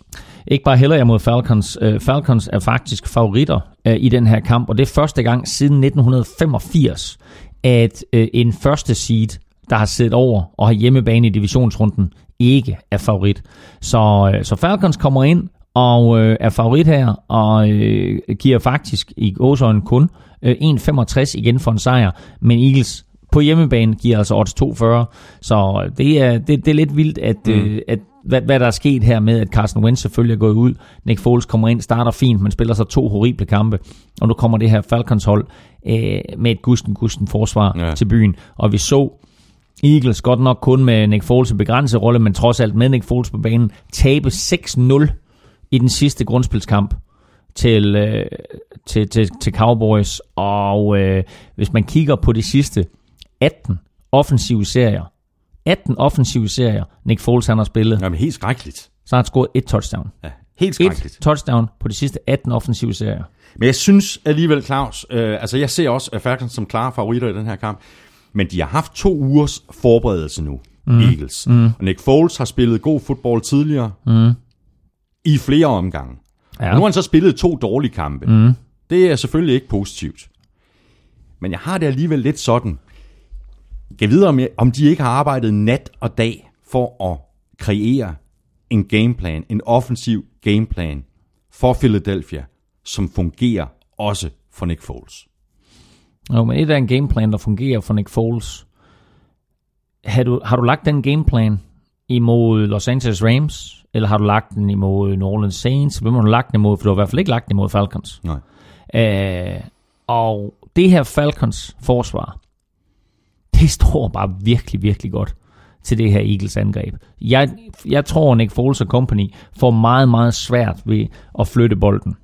Så øh, jeg forudser, jeg forudser en Falcons sejr, og øh, jeg forudser et Eagles mandskab, der får virkelig svært ved at flytte bolden og sætte point på tavlen.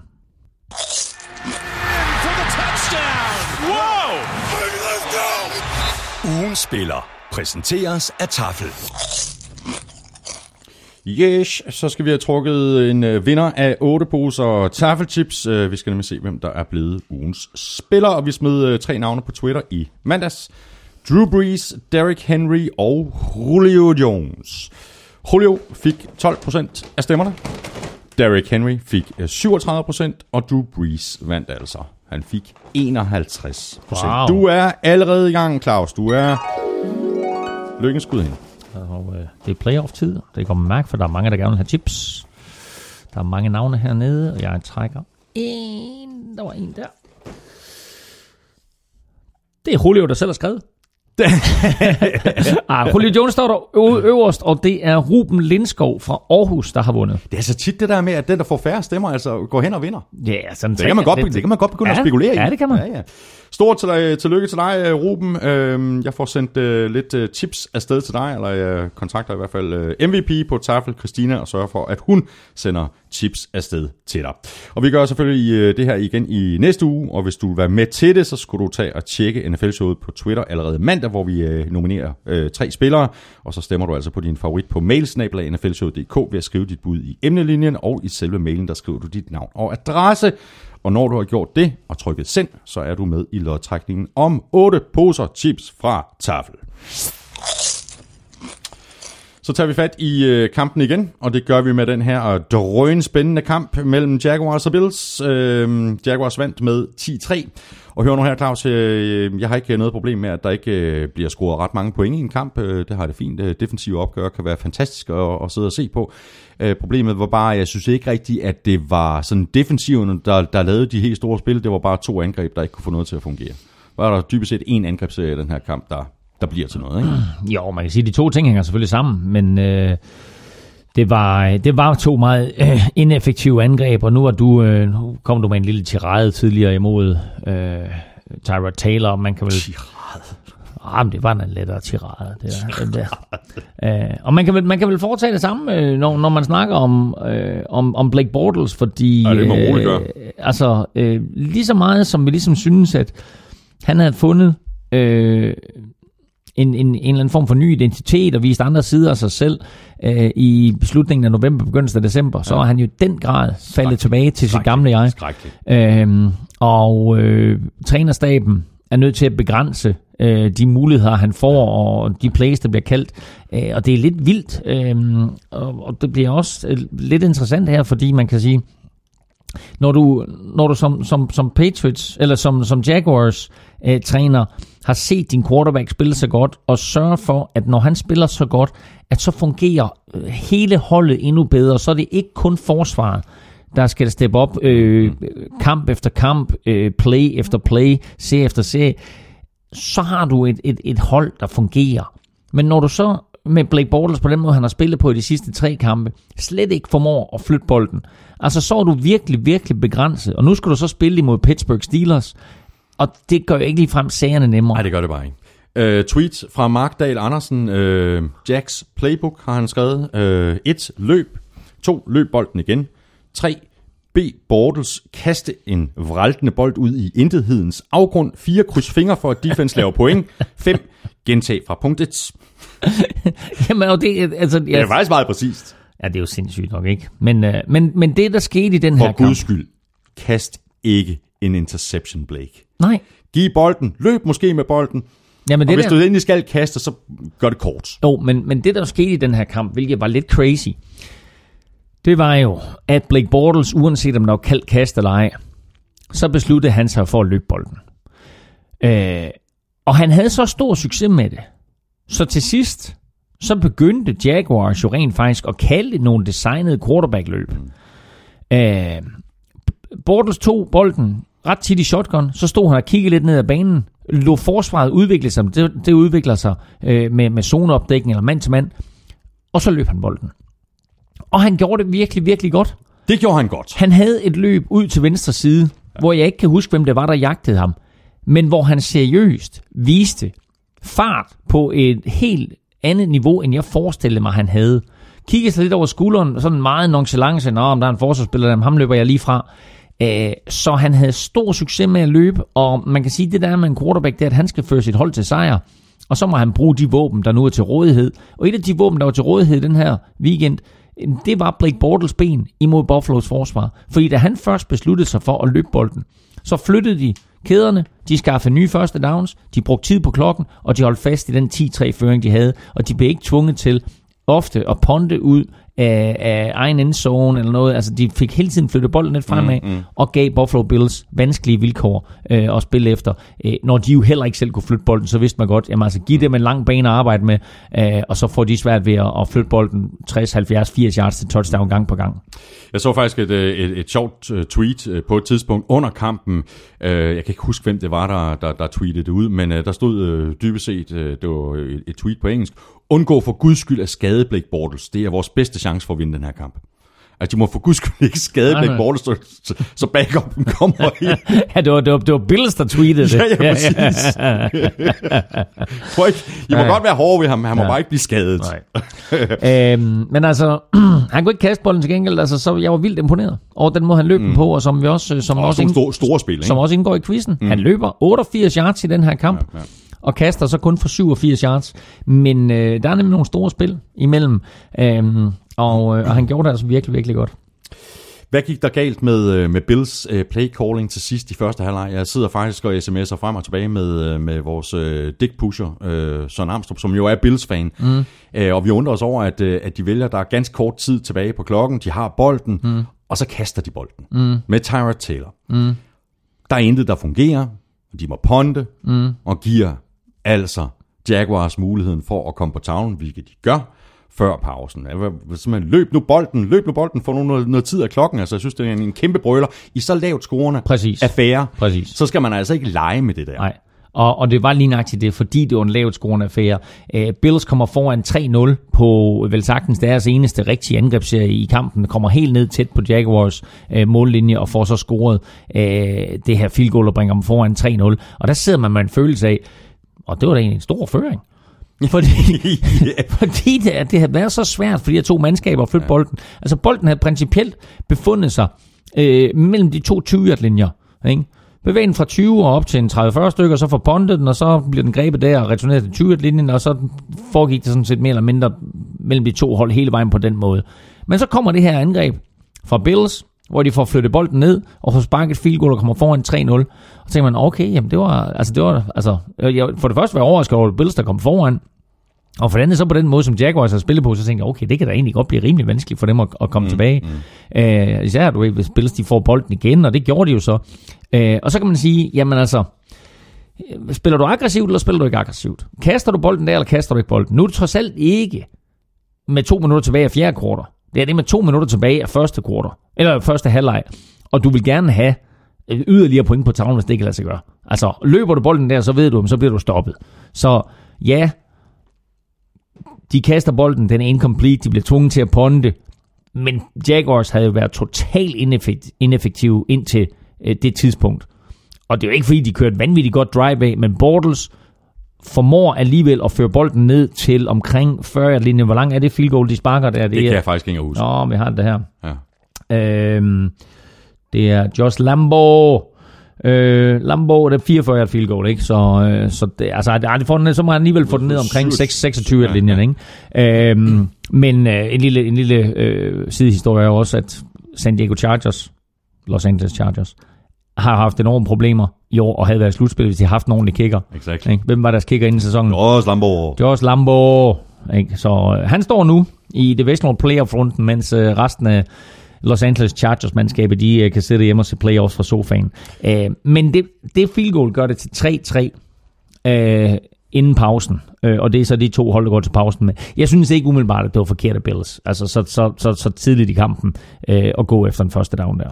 Nej, jeg synes, det var, jeg synes, det var mærkeligt. Og, vi, og vi sad, og, og det var fordi, vi ikke vidste, vi vidste jo ikke, hvordan det ville øh, ende. Vi sad faktisk og tweetede. Nej, men der er trods alt en hel halvleg tilbage. Ja, men altså, de førte 3-0. Gå nu bare til pausen, det skal vi være glade for. Men, øh, men, ja. men, øh, men offensivt øh, spilkald fra, fra Jaguars på, på touchdownet, de går på den på fjerde down. Og det bliver et kast. Jeg synes, at det... Altså, nu kan det godt... Altså, nu vil jeg faktisk vente den 180 grader og så sige, jeg synes ikke, at det var så sindssygt, at de gik efter den der, og gik efter den første down på et kast. Så udmyndte det sig så i tre point til, til Jaguars, det er så, hvad det er. Men da Jaguars kommer ned på 1 linjen og det er altså sidst i tredje kvartal det her, og det står 3-3, og de to hold har haft så vanskeligt ved at flytte bolden, og Jaguars forsvar har haft fuldstændig styr på Buffalo Bills angreb, så vælger du at lave en playfake på fjerde down, og kaste bolden, i stedet for at sparke et field goal. Altså modigt. Det er et modigt kald. Og det er altså ikke Tom Brady? Det eller? er godt udført, og det er kampens bedste kast fra Blake Bortles, og den giver touchdown. Øh, men jeg synes, at det var... Altså, hvis jeg skal være helt ærlig, så synes jeg, det var tåbeligt kald. Spark, det er field goal. Vi er Kom foran Vi er fuldstændig 6-3. Jeg er fuldstændig. Jeg ved godt, du står på 1 og jeg ved også godt, at hvis du ikke får den, så står Bills på deres egen 1 linje Og så kan du, altså, i altså, bedste tilfælde få en safety. I næstbedste tilfælde, så går de tre ud, og så skal de sparke for deres, altså, Ja, ja, deres, er en egen, god deres egen endzone, og så Ja. er du bolden tilbage igen. Men altså i en kamp, hvor det er så svært, hvor begge mandskaber er så svært ved at få point, der sparker du det field goal. Vi, øh, vi, vi er fuldstændig enige. Så skal vi tale øh, Nathan Peterman. Ja, det var det. Altså, prøv at høre. Det var jo simpelthen den symbolsk perfekte afslutning for Bills, at han ender med at kaste en interception. altså, det kan nærmest ikke være mere sym- symbolsk rigtigt, at i en sæson, hvor han har kommet ind og fået chancen for at blive startende quarterback i NFL og bliver skiftet ud i pausen, efter han har kastet fem interceptions imod. Der er så mange gange, vi skal sige San Diego Superchargers i den her udsendelse. Men altså i hvert fald Los Angeles Chargers. øhm, at der er det ham, der ender med at kaste en interception. Øh, til gengæld vil jeg så sige, hvilken helt eminent, fantastisk, forrygende interception af Jalen Ramsey, og hvilket elegant atletisk play, han udfører der.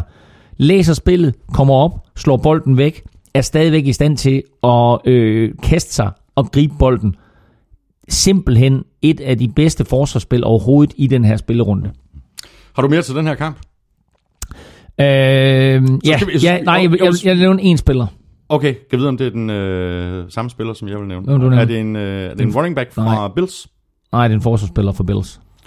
Jeg vil nævne Lorenzo, Lorenzo Alexander. Lorenzo Alexander, ja. fordi han er en rigtig, rigtig dygtig linebacker, men det her, det var den vildeste kamp, han spillede, fordi han var her, der alle vegne. Om det var, øh, om det var løb, øh, om det var kast, øh, om det var broken plays, han var der bare. Og kanon stop på goal line af Leonard Fournette. Kanon stop på Er du goal. tosset, mand, ikke? Leonard Fournette, der hopper fra 1 linjen Stop! og så kommer Lorenzo Alexander flyvende modsatte retning. Øh, normalt et play er ufattelig svært at stoppe for et forsvar. Øh, men der fik uh, Lorenzo Alexander altså stoppet hans fremdrift, og så var der andre spillere, som måtte sørge for, at øh, Fournette ikke kom over goal-line. Altså, han spillede en god kamp, Lorenzo Alexander. Jeg tror, Nu har, nu har vi jo en 10, uskrevet 10 taklinger. Er vi har en uskreven regel her i NFL at man kan ikke blive nomineret til ugens spiller, hvis man taber. Men altså Aaron Donald og Lorenzo Alexander ja. havde faktisk fortjent at komme i, øh, i, i hvad skal vi sige, betragtning ja. øh, for deres defensive præstationer. Så vil jeg godt lige nævne uh, LeSean McCoy. Jeg synes, han, øh, han spiller en god kamp, og der var han var questionable hele, hele ugen op til, til, til, kampen. Og jeg synes, han, han gør det godt, og jeg synes faktisk ikke, han får særlig meget hjælp i, i, i- kraft af specielt mange uh, gode blokeringer. Jeg, jeg synes, han gør, gør meget selv. du kunne ikke se på LaShawn McCoy, at han var så tvivlsom, som han var, og han havde nogle løb og nogle cuts, hvor jeg sad og tænkte, okay, det er altså imponerende nok. Mm. Øh, men altså, han må være øh, tapet godt op. Skal vi ikke sige det på den måde? Jo. Tapet. Præcis. Nå, men så skal vi kigge videre. Øh, Claus, øh, de kommer på noget af en opgave ude mod øh, Steelers. Øh, de slog dem, som sagt, var det tilbage i uge 5? Uge 5? 30-9, eller hvad? Ja, jeg tror, jeg sagde 30-7 tidligere, men 30-9 Ja. ja. øh, var resultatet. Ja. Øh, og, og, så, den, så, let, så let kommer det ikke til at gå den her gang. og den husker selvfølgelig den kamp netop for de her fem Ben Roethlisberger interceptions. Nej, selvfølgelig kommer det ikke til at gå så nemt. Øh, på det tidspunkt, øh, der var øh, Leonard Fournette i topform, øh, var kommet ind, øh, havde scoret touchdown i samtlige de kampe, han havde spillet, havde fået en rigtig, rigtig god start på karrieren. Siden så har han været småskadet. Han har også øh, haft øh, karantæne øh, fra, fra holdet selv øh, over nogle ting, han ikke rigtig forstod omkring, hvordan det er at være holdspiller. Øh, Blake Bortles er måske endnu ringere nu, end han var dengang. Øh, til gengæld er forsvaret stadigvæk intakt og gør det godt, så det bliver det, de selvfølgelig skal læne sig op af. Jacksonville Jaguars. Øh, et af de helt store spørgsmål, det er, hvor klar er Antonio Brown?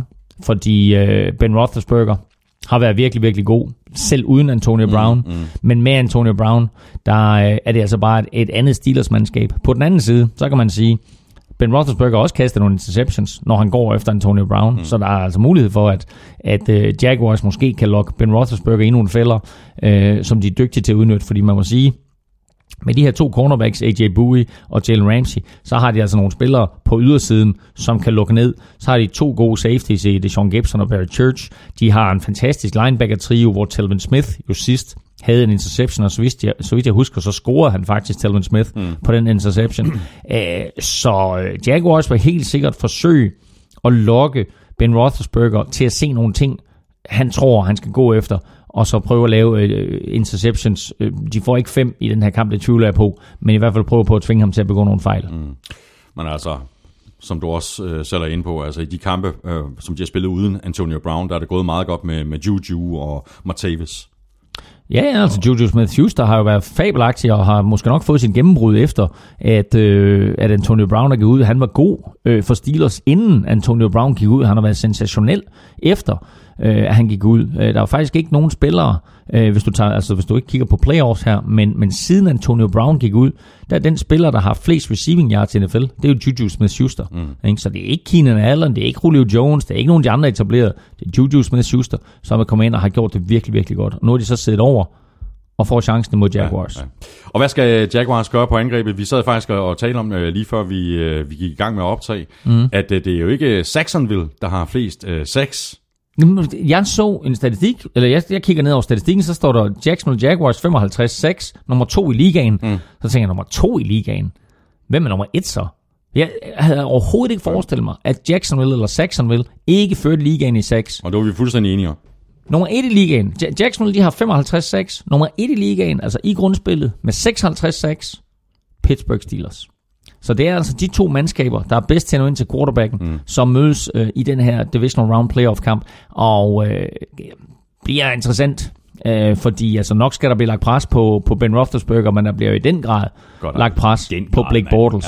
Og øh, han kan da godt løbe en enkelt gang eller to, men han får ikke nær samme succes, som han havde mod Bills. Det øh, gør han øh, næppe, og må ikke også øh, at Steelers de har siddet og, og, og kigget på den her kamp, og så sagt, jamen, hvad er det egentlig, han foretager sig med, med, med fødderne? Fordi som du også sagde, han gør det rigtig godt, men det kommer de jo til at, at, at, at lægge en plan for, at han ikke får lov til at, at, at piske rundt, som han gjorde mod, mod Bills. Ja, men altså, det var, det var også en usædvanlig situation, at han gjorde det, fordi det er jo ikke en øh, Michael Vick eller en eller anden, som, som, som du er nødt til at sætte en spy på, hvor du så siger, okay, du holder øje med ham der, fordi han er så farlig, når han løber. Altså, det er Blake Bortles jo ikke. Så på den måde, der, der kan du sige, øh, det skal være en integreret del af din, af, din, af din gameplan, at han så ikke må få lov til at løbe, men du dedikerer jo ikke en mand til det. Godt, så skal vi til, til den sidste kamp. Øh, den øh, kamp, der på forhånd var udsat til at blive den mest spændende. Øh, det blev den faktisk også. Øh, Saints vandt med 31-26 over Panthers. Der var drama til det sidste med Panthers og Cam Newtons chance for at, at lave et, øh, et comeback.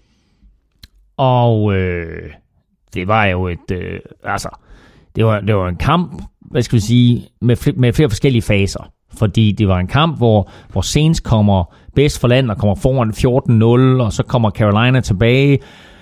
Og så ligesom om Saints, de afgør det ved at komme foran med, hvad de foran, er de foran med 14 igen, eller noget, eller ej, så mange er de ikke foran 11, er de vil foran med, eller et eller andet i den retning, ikke? Og så, øh, og så scorer Christian McCaffrey det her vidunderlige lange touchdown, og så er Saints øh, lige pludselig under pres igen. Mm, mm. Og så kommer den her fjerde down, hvor jeg kan egentlig godt lide, at Sean Payton er så aggressiv, så han siger, lad os afgøre det her her nu. Nu går vi efter den på fjerde down. Og så vælger de ikke at løbe bolden. De har den bedste running back duo i hele NFL hele året i Mark Ingram og Alvin Kamara, men de beslutter sig for, nej, vi finder til dem, og så kaster vi bolden. Men Panthers er helt med på den, og dækker alt op, og laver en interception, og får bolden igen. Og der er de altså bagud med fem, og har chancen for, og, og god tid, altså omkring to minutter igen, og har god tid til at køre tid. ned og få scoret. Og øh, er jo altså meget, meget tæt på at vinde den her kamp, fordi vi må sige, at Devin Funches, han taber en bold i endzonen til ja, sidst, ja. som sagtens kunne have givet touchdown. Øh, så det her, det var, det var tæt på, at det her gamble fra Sean Payton, at øh, det gav bagslag, men nu ender det med, at, øh, at, at øh, Saints de vinder, og de vinder den her spektakulære kamp. Øh, men det må også give lidt... Øh, det må give lidt bekymringer i Saints, at Panthers var så tæt på at besejre dem, mm. og at øh, de nu i den kommende weekend skal op imod Minnesota Vikings, som trods alt er et forsvar, der er i stand til at lukke lidt mere ja, ned for ja, dem, ja. og så må vi se, om, om Vikings angreb så er i stand til at score point. Men hold nu op, hvor Cam Newton han bliver ramt til sidst i kampen. Øh, jamen altså, det hit der øh, er jo helt crazy. Hvad er der, hvad er der tilbage, da han bliver ramt? Er der 6 minutter eller sådan noget? Øh, eller er der lidt mere? Øh, Jeg, jeg, jeg kan ikke huske minuttal. Jeg kan huske at vi, vi er ja, nogenlunde midtvejs i, i fjerde minutter, ikke? Og han bliver ramt stenhårdt, og øh, kravler nærmest fra banen. Øh, han siger så efterfølgende selv, og det kan godt være, at det er røgslø og alt sådan noget, fordi der er mange, der mener, at Carolina Panthers har omgået reglerne mm. omkring hjernerystelse ved at sætte Cam Newton tilbage på banen. Men han siger jo selv, at grunden til, at han øh, ikke engang humpede fra banen, men satte sig ned på knæ ind midt på banen, det var for at give quarterback Derek Anderson, deres backup, ekstra tid til lige at forberede sig på sidelinjen. Ja. Så han ikke skulle ind, du ved, have siddet på bænken, eller have stået og kaldt plays ind med et headset på, og så sige, okay, nu tager jeg lige knæ herinde midt på Ja, banen. jeg vil opfordre alle til at se Cam Newton. Ja. Ja. Han går på vej ud mod sidelinjen. Ja. Ja. Stille og roligt. Ja. Ja. Og så kan du simpelthen se, hvordan hans ene ben nærmest sådan lige giver lidt efter, og så sætter han sig ned. Ja. Det der, det har ikke noget som helst med noget som helst andet at gøre, end at han har sandsynligvis fået en hjernerystelse. Ja, og især til betragtning af, at de så efterfølgende påstod, at det var en øjenskade eller et eller andet. Altså, Ja, det, ja. ja. Hans, hans ben ser ud til at være meget påvirket af den øjenskade. Mm. Ja, ja, præcis. Jesper Lindstrøm øh, spørger på Twitter, øh, faktisk forholder sig direkte til det her. Mm. Hvordan ser I på den her sag? Øh, Seahawks fik en bøde på 100.000 dollar. Er det ikke rigtigt? Så strammede NFL reglerne, og nu det her, det er vel en stor bøde og et draft pick, der ryger. Og det, det ved jeg ikke, om det er, men øh, jeg, jeg, jeg ved ikke, om NFL har, har, har lukket den her sag. Det, det, det er da Jeg har ikke hørt noget, de, Jeg- de må, må kigge på. Jeg har ikke hørt, at den er åben. Nej. Lad mig sige det på den måde. Så jeg har ikke hørt, at der bliver kigget på, om det her det er øh, øh, altså en... Øh, at de forbryder sig imod den her øh, hjernerystelsesregel, og hvordan man skal forholde sig til det. Øh, han kommer ud på sidelinjen, øh, han bliver behandlet, og de siger, at det er en øjenskade og så videre, og så kommer han tilbage ind, øh, og han virker ikke, skal man sige, specielt påvirket mm. øh, af, af den her. Øh, det var ikke som tidligere, hvor vi så TJ Yates fra, fra øh, Houston Texans, så være decideret påvirket af den her hjernerystelse. Altså Cam Newton virker, som om han er klar Ja, ja, på 100%. præcis. Men der er jo masser af spillere i, i, i årtier, der har spillet Ja, ja, ja. ja. videre med jernrystelser, ja. hvor man ikke øh, har, har kunne se Ja. det på, på, Ja. ja. på deres præstationer.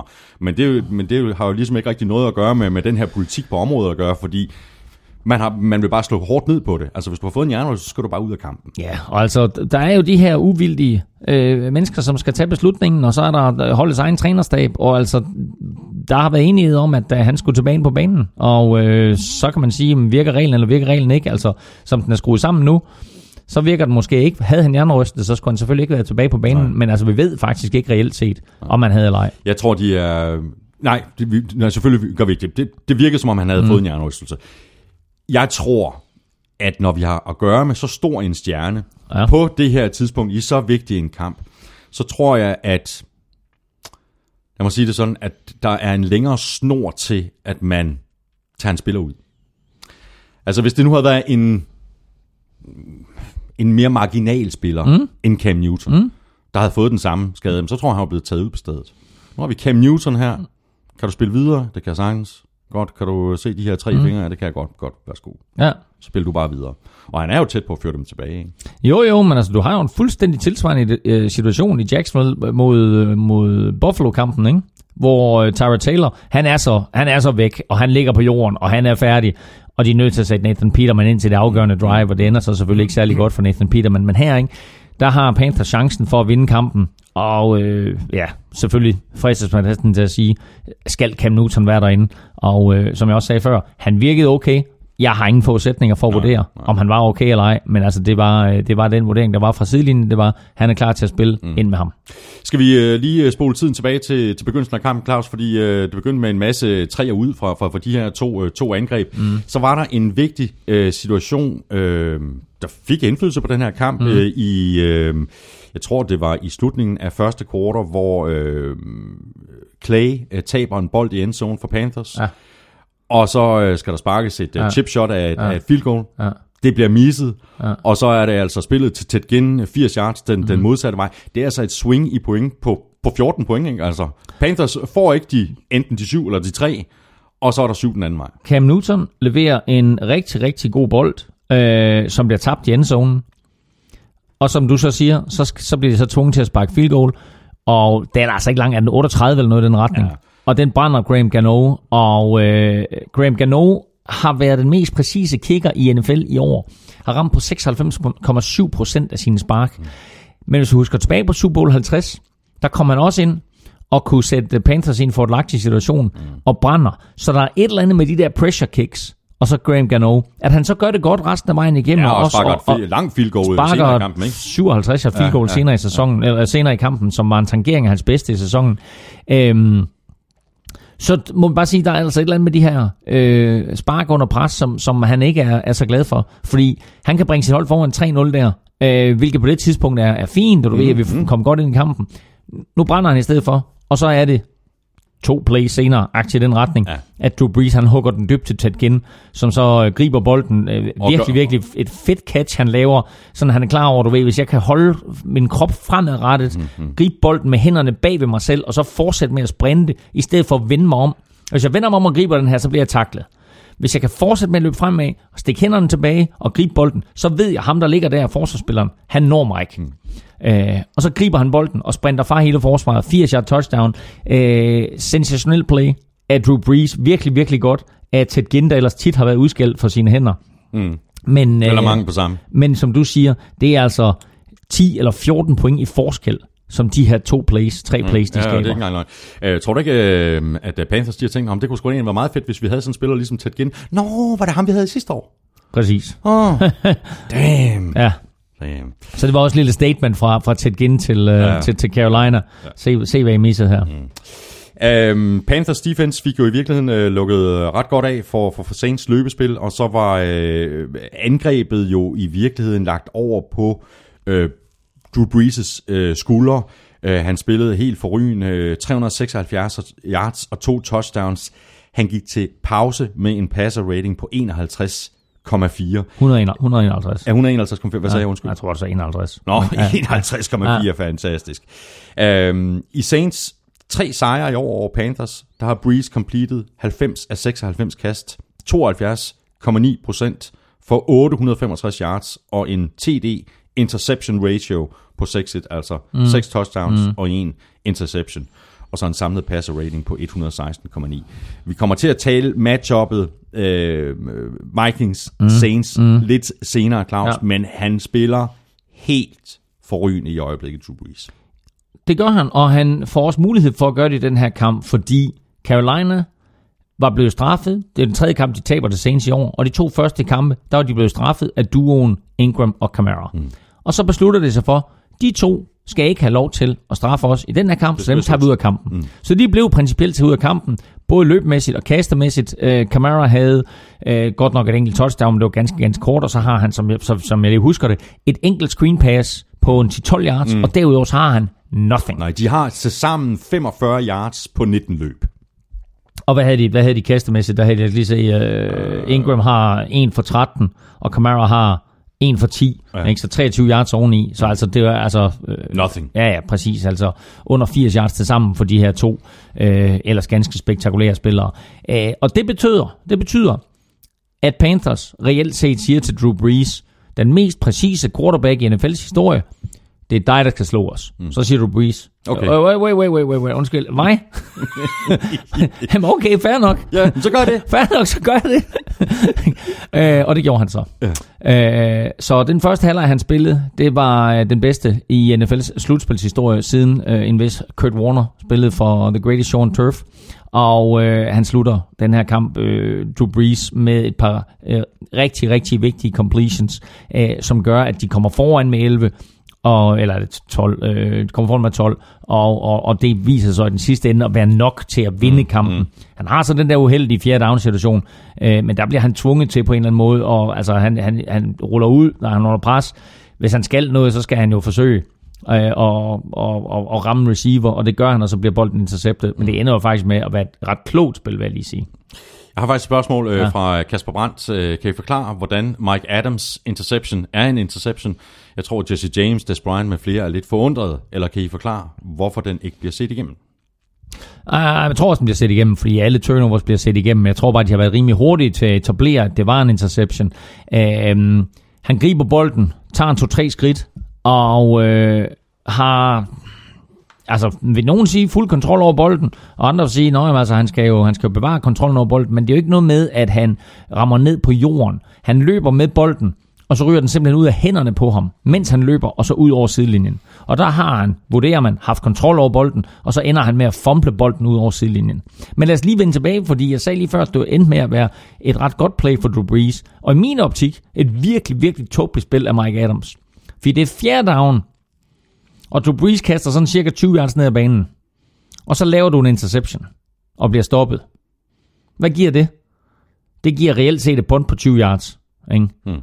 Hvis du bare slår bolden ned, i stedet for intercepten, ja, så, er den incomplete. så har du bolden på 50 yard linjen Præcis. Med omkring to minutter igen. Og det, altså, de der par plays der, som det nu koster, det tid det nu kostede, dem kunne Panthers godt have brugt i enden. Så øh, det der, det var et dumt spil af Mike Adams. Statistisk, når han havde en interception, ikke? Statistisk, når Drew Brees kastede en interception. Fuldstændig meget. Drew Brees er faktisk den kloge i den situation, for han kaster den ned, ender med at blive interceptet. Mike Adams er toben, for han skulle bare slå den ned, så har det givet Panthers en bedre udgangsposition. Men det ligger jo simpelthen bare så meget i knoglerne, ikke? Der wow, kommer wow, en bold wow. der, som... Jeg Ja, men ved du hvad, det er coaching, og det er et spørgsmål om kommunikation på banen. Fordi, da jeg coachede, der sagde jeg altid på fjerde down, husk nu, at hvis I griber en dyb bold, eller hvis, hvis bolden kommer ned, så i stedet for at gribe den dybt, så slår I den ned. Er det ud mod sidelinjerne, så er der en chance for, at hvis I griber den, så kan I returnere den hele vejen til touchdown. Men ellers så slår I bolden ned. Ikke? Her, en i trafik, der er en 6-7 mand omkring ham. Der er no chance in hell, at han kommer til at returnere den der. Så øh, han- den skal han bare slå ned og give sit hold bolden på 50 yard linjen Skal vi lige tale lidt øh, Luke Kuechly? Oh, ja, det var sjovt, du sagde Luke Kuechly. Fordi han er bare... Øh, og det er heller ikke altid, at man kan se på statsene ud fra hans navn. Ej, det kan, du, det kan du nogle gange, vil jeg sige. Når, Ja, ja, ja, ja, når han kan- laver 17 tacklinger, ja, ja, ja, så han er en ja, meget ja. god kamp. Ja, ja, præcis. Men jeg tror faktisk ikke, han har specielt gode stats lige Nej, nej, nej. i den her kamp, men han er bare fantastisk at følge. Jeg sad på et tidspunkt, Ja. ja. der sad jeg bare, øh, hver gang han var på banen, så nu, det er det eneste, jeg kigger på. Mm. Jeg kigger bare på Luke Kuechly. Ja, ja. Og det er bare en fornøjelse. Han er, han er så vild at se på, øh, og ikke bare den måde, han spiller på, men den måde, han kommanderer med sine holdkammerater på. Øh, der er et enkelt play, hvor han stopper Camara, hvor det ser ud for nærmest alle som om, at bolden går op i højre side, men bolden kommer tilbage i venstre side, og inden Camara han når line of scrimmage, så står Luke Skywalker lige hullet, og øh, svinger sit lysvær. Camara han ligger på jorden og tænker, øh, hvad skete der der? Øh, så han er fabelagtig at se øh, Luke Kigley. Øh, elsker at se ham spille, og øh, altså, nu snakker vi om, at der er et par øh, linebackers på vej ind i Hall of Fame her med, med Ray Lewis og øh, et par andre, som er, som er blandt de sidste her. Øh, Luke Kuechly er den bedste linebacker i NFL siden Ray Lewis. Vi er fuldstændig enige, og han er en, øh, han er en fornøjelse at følge. Øh, Cam Newton spillede i virkeligheden en god kamp. Er du ikke enig? Jo, jeg synes, han kommer lidt svært i gang, men altså, øh, han er jo ved at føre sit hold tilbage, og, og da, da Saints kommer foran 14-0, der fører han øh, sit hold... Altså, og jeg vil lige sige faktisk, og du har egentlig ret, fordi han fører sit hold inden for scoringsafstand på de fire første angrebsserier. Mm, ja. Det ender med et brændt field goal og tre field goals. Hele tiden er han i stand til at flytte bolden imod Saints. Hele tiden fører han sit hold inden for scoringsafstand. De får for lidt ud af det. De skal have et enkelt touchdown eller to på de der i stedet for field goals. Så er det en helt anden kamp. Mm. Men han bliver ved, og vi skal faktisk helt ind, jeg tror, i slutningen af tredje kvartal, før Michael Pagliardi han kommer ind og punter første gang. Mm. Så første punt fra Panthers side kom midt, midt, midt eller slut tredje kvartal. Ja, og de fik bare for, for få point ud af det. De havde masser af chancer. Jeg synes, ja. han spillede godt, og jeg synes mere den måde, han, han, han spillede på i den her kamp, mindede om Cam Newton fra 2015, og slet ikke den Cam Newton, vi så sidste år. Det var jo, mm. den, den, det var jo miserabel at sidde ja, og se på. Det var bad cam. Ja, det var virkelig bad cam. Øh, og så har det været øh, noget svingende i år. Jeg synes, det var den helt rigtige måde for Cam Newton at afslutte den her sæson på. Jeg synes, det peger fremad. Øh, noget, jeg til gengæld øh, måske godt vil sætte spørgsmålstegn ved, måske kan du øh, forklare mm. mig det, men jeg synes ikke, at de bruger Christian McCaffrey på den rigtige måde. Jeg synes, de skal kaste bolden meget mere til ham. altså, ja. jeg, jeg synes virkelig, altså, det, han er jo en fantastisk spiller, Christian McCaffrey. Han er eksplosiv, han er hurtig, men jeg synes især det i kastespillet, at han er god. Altså han er jo ikke den der klassiske running back, der løber op i midten, og så øh, får øh, tre eller fire yards. Det er jo slet ikke den måde, han skal bruges på. Nej, og det, var- altså, han havde jo succes i college med at være en alt mulig mand. Han var, han var running back, han var receiver, han var returner, han kunne sågar også kaste bolden. Han kunne alt. Mm. Men i NFL, der er han en lille smule overmatchet, når han skal løbe bolden. Han er til gengæld helt sublim, når han griber bolden, fordi Exakt. han er så rap på fødderne, som han er. Mm. der er altså ikke ret mange spillere i NFL, der har så hurtigt fodskifte, som han har. Og det touchdown, han scorer, som er på, hvad er det på, 56 yards, det er jo helt, helt eminent. Altså den linebacker, der skal dække ham op, han laver lige en hurtig fodfinde, og så står linebackeren altså et eller andet sted og, og kigger ned på sine fødder og tænker, hov, der brækker jeg begge ankler. Mens Christian McCaffrey, han løber fri, Cam Newton finder ham. Og så går det for langsomt op for resten af forsvaret, hvad der egentlig er sket. Mm. Og så, så viser han jo god hastighed og sprinter fra hele Saints forsvar. Øh, så han er sublim som receiver. Og det de jo forsøger at gøre, det er, at i stedet for at stille ham op som receiver, hvor han kommer til at blive dækket op af cornerbacks, så forsøger de jo hele tiden at få ham i situationer, hvor han bliver dækket op af en, af en linebacker. Mm. Hvis de kommer ind og siger, fint, vi sætter fire receiver ind, og Christian McCaffrey den ene, så siger forsvaret, godt, så sætter vi fem eller seks defensive backs ind. Men når de stiller Christian McCaffrey op som running back, så har forsvaret en tendens til at sige, fint nok, jamen, så har vi tre linebackers inden. Øhm, og det giver dem en fordel i og med, at hvis de så øh, moser ham ud, eller shifter ham ud, eller hvad de nu har tænkt sig at gøre, eller han kommer fra backfielden, øh, så er det jo en linebacker, han ofte kommer til at stå overfor. Og det giver bare ham og Carolina Panthers et meget, meget bedre matchup, end hvis han er på en cornerback. Har du mere til, til kampen her, Claus? Nej, det har jeg ikke. Det var, det var, det var den bedste kamp Ja, det var i det. weekenden, og øh, Cam Newton gjorde, hvad han kunne for at få sit hold tilbage. Øh, som lige sagde det indledningsvis, øh, så får han kastet bolden ned i endzonen, og Devin Funches på en eller anden måde får ikke vurderet, hvor bolden er henne rigtigt. Han kunne godt have grebet den bold, ja. Devin Funches, mm. og så er det Panthers, der går sejrsrigt ud i den her kamp. Øh, men øh, nu ender det altså med en Saints sejr. Mm. Og det er altså Saints, der skal til øh, Minnesota og spille mod øh, dine Vikings. Øh, Hvordan har du det med den kamp, Claus? Breeze, som har talt om, ser flyvende ud. Jeg har faktisk en lille stat, som vi kan begynde med, som jeg har gemt til det her punkt. Mm. Det er, at Breeze har nu spillet 12 slutspilskampe i karrieren.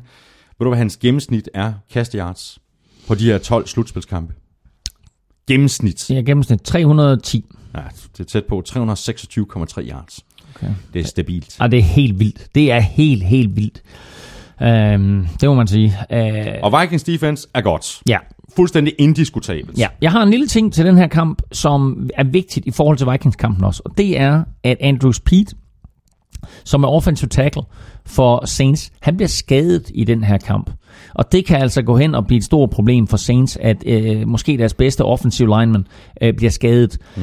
Øh, det gør ikke sagerne nemmere, i hvert fald, når du skal dække op for, for Vikings rusher, øh, altså pass rusher, som øh, Everson Griffin og øh, Daniel Hunter og Brian Robinson og hvem de nu end ellers sætter ind. Så øh, det er en lille fordel, der taler til Vikings. De to hold mødtes tidligere på sæsonen, og der vandt Vikings øh, ganske overbevisende, og det kunne endda være blevet en endnu større sejr, end, end, end hvad det blev til.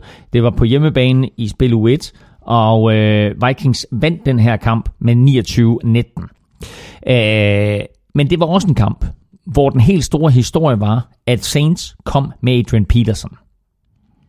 Det er helt tilbage til Adrian Peterson. Det er nærmest som om, det var i forrige sæson eller sådan noget, ikke? Alvin Kamara var en non-story. Både inden kampen og under kampen. Saints skibede Adrian Peterson afsted, og siden har Alvin Kamara jo positioneret sig selv som måske manden, der vinder øh, årets offensiv rookie. Øh, så det er et helt andet Saints-angreb, Vikings kommer til at møde. Det er også et andet Vikings-angreb, som Saints kommer til at møde. Fordi hvis man tænker på den kamp 1, så var Sam Bradford startende quarterback, og han spillede sensationelt i den kamp. Den startende running back, han hed Dalvin Cook. De er begge to ude. Hvor er det imponerende, at Vikings har vundet divisionen så overlegent. Når vi ser på quarterback, Ja. nej, det er ikke starteren. Running back, som var udset til at måske kunne have kæmpet ja.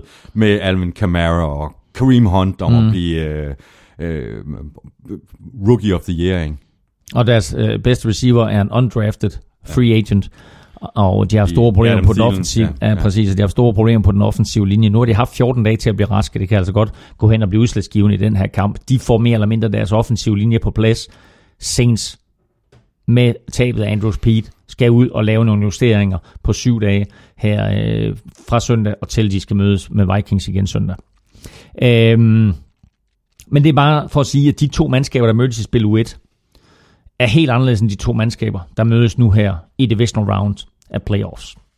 En lille, sjov statistik, som, øh, som føres til, nu kommer vi lige kort væk fra den her divisional, både divisional round og så videre, men det er, at i de fire kampe, der blev spillet i London i år, der vandt Vikings, der vandt Rams, der vandt Saints, og der vandt Jaguars. De vandt alle sammen deres division. Og tre af dem er stadigvæk med i playoffs. Uh, det bringer mig så lige til en kort ting her, omkring at torsdag, der kommer NFL ud og annoncerer de to første London-kampe, de to kampe, der skal spilles på Tottenhams hjemmebane. Mm. Og et af de hold, der er rygtes til at skulle spille, det er Green Bay Packers.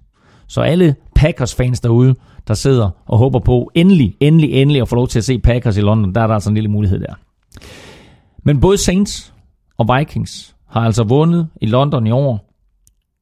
Og det interessante det er, at Saints jo havde Adrian Peterson med, og det var sådan nogenlunde det sidste, vi så til ham. Ja. Fra det punkt af, der blev han skibet afsted til Arizona Cardinals. og havde en enkelt god kamp. Han er to måske ja. endda.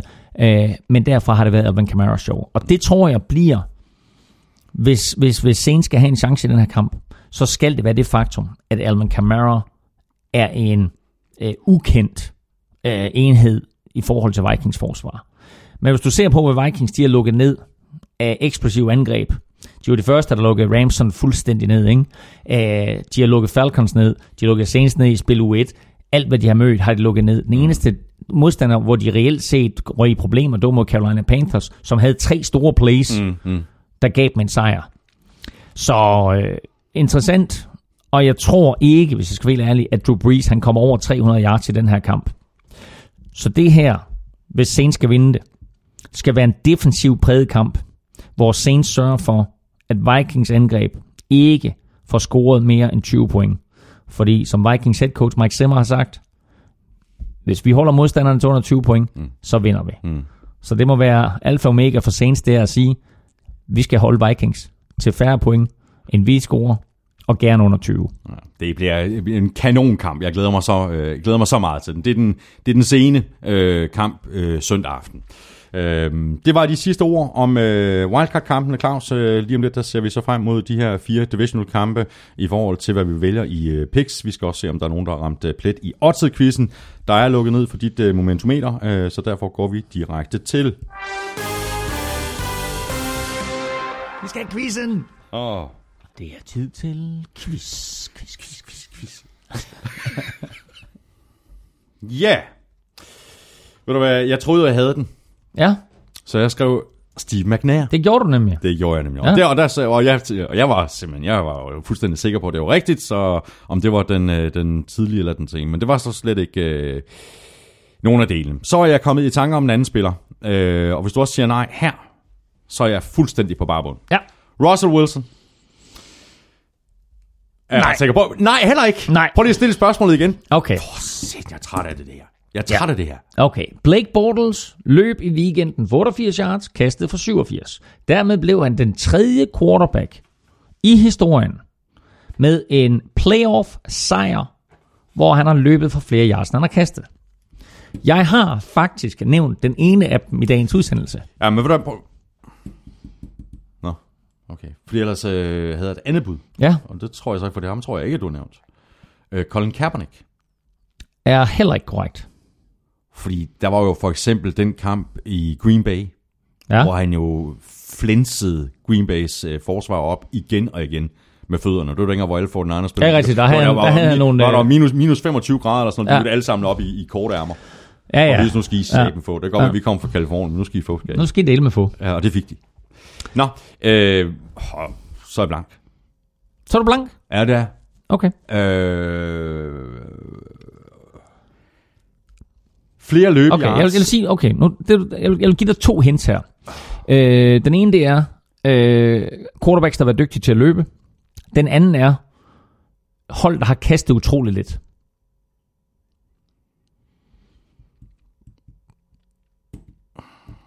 Og det var ikke Russell Wilson. Du skal en lille bitte smule længere tilbage. Han var også lidt mørk i huden.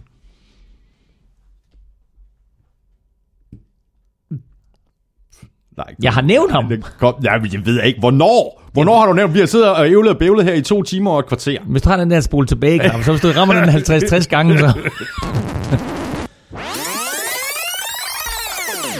Ja, så nu løber han jo for eksempel ikke nær så meget, som vi for eksempel så en Michael Vick gøre, men uh, sagde jeg på et tidspunkt nogenlunde i den retning. Ja, men er det Michael Vick? Michael Vick er den ene. Michael Vick gjorde det i 2004, hvor han i en playoff-kamp, playoff-sejr, havde 119 yards rushing og 82 kast, og jeg kommenterede faktisk selv kampen med Jim Borgård. 119 rushing yards. 119 Det er rushing meget yards Godt, ikke? ja, og 82 kast yards. Det var også dengang Vick, han var rigtig sjov at se på. Ja, det var han. Spillede for, for Philadelphia Eagles, og øhm, ja, jeg, jeg kommenterede sammen med, øh, kampen sammen med Jim Borgård, så jeg kan, jeg kan faktisk huske opgøret. Den anden, den er svær, og den, øh, den, den kræver noget ekspertise, og den kræver, øh, det, og hintet var, at det var et hold, der kastede meget, meget lidt. Hvilken Super Bowl vinder er det hold, der har kastet mindst? Ved du det? Det, det er en, Ravens? Nej, det var, det var faktisk Miami Dolphins helt tilbage i 1973. De havde okay, Okay, okay. okay. syv kast i hele kampen imod Minnesota Vikings. Hvor mange? Syv kast. Syv kast. Ja. Men ugen inden, i AFC-finalen, der spillede Miami Dolphins øh, imod, mener du, Oakland Raiders? Ja, måske var det Los, Los Angeles Raiders. Øh, men i den kamp, der kastede Bob Greasy bolden seks gange. Hold Han completed de tre for 34 yards, og han løb tre gange for 39 yards. Og øh, det var altså Og så klarede forsvaret resten. og så klarede forsvaret resten. Ej, han havde også nogle fantastiske running backs omkring sig med øh, Jim Kick og, øh, og øh, hvad hed han, Larry Sonka. Så øh, det var... Øh, øh, men, øh, men de to svar, det var altså Michael Vick i 2004 og Bob Greasy i Michael Vick 1973. skulle jeg selvfølgelig have været kommet i tanke om. Så har Jeg vi... tænkte, Øh, du havde nævnt Randall Cunningham eller Michael Ja, Vick. Eller ja, eller andet, ja, ja, Så. ja. så er det quizzen. Ja. Claus Elming. Oh, Hvor mange playoff-kampe har Bill Belichick coachet? Altså selvfølgelig før den her sæson, ikke? ja, mange, mange har han coachet før den her sæson? Ja. Og det er selvfølgelig som head coach. Yes. Jeg siger Det bliver slag på tasken. Ja, lad os lige se. Lad os se. Nærmer han sig nærmer han sig 20 år som head coach for, for Patriots. Har coachet i 23 sæsoner. For Patriots, ja. Ah, 18, Nej, ja, 18 hos Patriots. Ja, ikke? ja, så har han haft øh, så har han Jets og Cleveland. Øh, han vandt en enkelt med Cleveland. Det er faktisk deres sidste playoff sejr, som i øvrigt var mod Patriots, hvis jeg husker. Mhm. Øh, 23 sæsoner, lad os sige, han har vundet... Lad os sige, han har vundet to i... Nej, han har vundet mere end to i snit. Han har nok vundet to og en halv i snit. Så jeg siger 46. Jeg siger lidt under to og en halv, så jeg siger 54. Ah. Og var det for mange? Giv den gas, ikke? Okay, Okay. 36. 36? 36. Ah, Okay. Ah, okay. Det er også rimelig mange playoff-kampe, ikke? Swansea, Swansea, Samsonite. I, I was way off. I was way off. Hans record er 26-10. Okay. Det er også meget okay. stabilt, ikke? Ja, jo, det er stabilt. Du ved, hvad jeg ved. Nå, jeg er helt væk. Godt.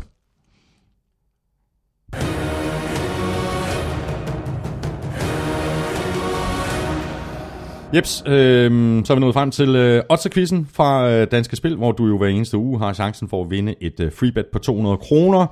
Det eneste udsagn, der endte med at holde, var nummer to, og det var der ikke rigtig nogen, der havde skudt på, så øh, bedre held i den her uge. vil der en ny Otterquiz op på øh, NFL Shows Twitter-profil allerede i dag. Og så har du indtil klokken 19 lørdag aften til at svare på det tweet, hvor quizzen er vedhæftet. Deadline er altså lørdag. Skriv dine bud og afslut med hashtag Otsequiz. Og alle, der rammer rigtigt, vinder et øh, free bet på 200 kroner til Odds på Danske Spil. Der er kun to krav. Du skal være 18 for at deltage, og så skal du placere hele beløbet på et spil, hvis altså du vinder.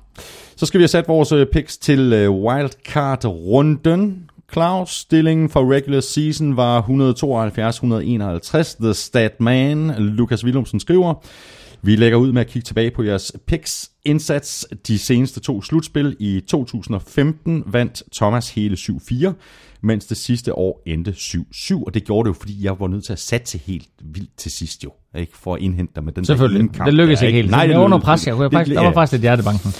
Slutspilsrekorden er således på højkant i år, men øh, tillader blot tre forkerte slutspilspicks. Hvad det angår, er Claus kommet skidt fra land. Han var lige så tæt på at have samtlige kampe forkert, som han var på at have alle rigtige. Thomas var lidt skarpere og fører dermed 3-2 efter wildcard-runden. Det fortsætter en trend fra tidligere sæsoner, hvor Thomas har vundet wildcard-runden med henholdsvis 2-1 i 2015 og 3-2 i 2016. Desuden så kostede weekendens første kamp Claus sin ubesejrede record i Titans udekampe. Chiefs har været i øh, slutspillet samtlige år, hvor NFL-showet har eksisteret, og I har begge formået at misse deres første slutspilskamp hver det eneste år. Ja, yeah.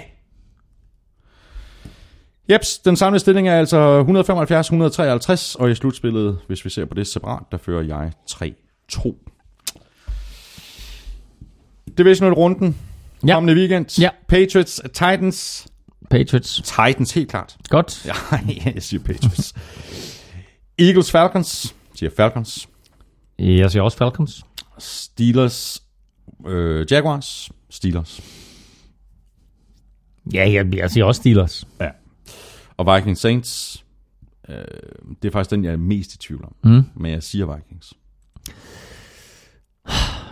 Nu slår jeg lige korsets tegn her, og 7 9 13 og knock on wood og så videre. Og så siger jeg Vikings vinder. Brænder du ind med nogle øh, odds, vi skal have fyret af? Ja, der kan jeg da godt lige kigge lynhurtigt i og løbe dem igennem, øh, fordi vi har snakket om et par stykker af dem, men øh, Jaguars er faktisk mega underdogs i den her kamp imod Pittsburgh Steelers. Så øh, odds 24, 4,20 er der på en Jaguars sejr. 1,25 giver Steelers igen. Øh, Vikings overraskende, synes jeg, store favoritter imod Saints. 1,48 giver Vikings igen, og øh, New Orleans Saints giver 2,80 igen. Hvorfor synes du, det er så overraskende, at de er de store Jamen, jeg synes bare, favoritter? det, jeg synes, det, jamen, jamen, fordi Saints er gode, og jeg synes, det er overraskende, at Vikings de er så store favoritter. Mm. Øhm, og hvis man kigger sådan lidt nærmere på den her statistik, altså så, øh, ja, okay, så Vikings, de vandt den første kamp med 10 point, øh, og de kunne nok godt have vundet den med mere, men altså hvis du ser på handicappet, så kan, øh, så kan Saints altså ta- tillade sig øh, at tabe med over touchdown, 7,5 point, Ja. og stadigvæk give en, øh, også 1,47 igen. Øh, jeg, jeg, synes, jeg synes, Den kunne, godt være, den kunne godt være værd at spille, den der, ikke? Fordi jeg, jeg tror ikke, det bliver en højt skruende affære. Nej, jeg tror også, det bliver en lav skåne affære. Jeg kunne sagtens forestille mig sådan noget 21-17-agtigt eller 20-17-agtigt. ja, præcis. Så, øh, så det kunne jeg sagtens forestille mig. Tak for det, Emil. I lige måde. Det har været en fornøjelse. Ja, det var det. Det er jo imponerende, at der kun er fire kampe, og vi når at snakke i to timer og 20 minutter. Ja, præcis. Ja. Også tak til dig, fordi du lyttede med. Øh, Hvis du har spørgsmål eller kommentarer, så kan du gøre det på Twitter og på mailsnablag.nflshowet.dk. Kæmpe stor tak også til vores øh, gode venner og sponsorer fra Tafel og Odset på Danske Spil. Støt dem, de støtter os. Tak for nu. Vi høres ved. NFL-showet er produceret af Kvartrup Media, der også producerer Born Unplugged, hvor jeg taler dansk politik med min fætter Henrik hver eneste uge, og derudover så kan vi også byde på almindelig fodbold i form af de to podcasts Premier League-showet og Champions League-show, som begge er bestyret af mit unge håb, Daniel Siglau. Elming og jeg er tilbage med mere fodbold på onsdag i næste uge. Er det godt så længe? Hot hot.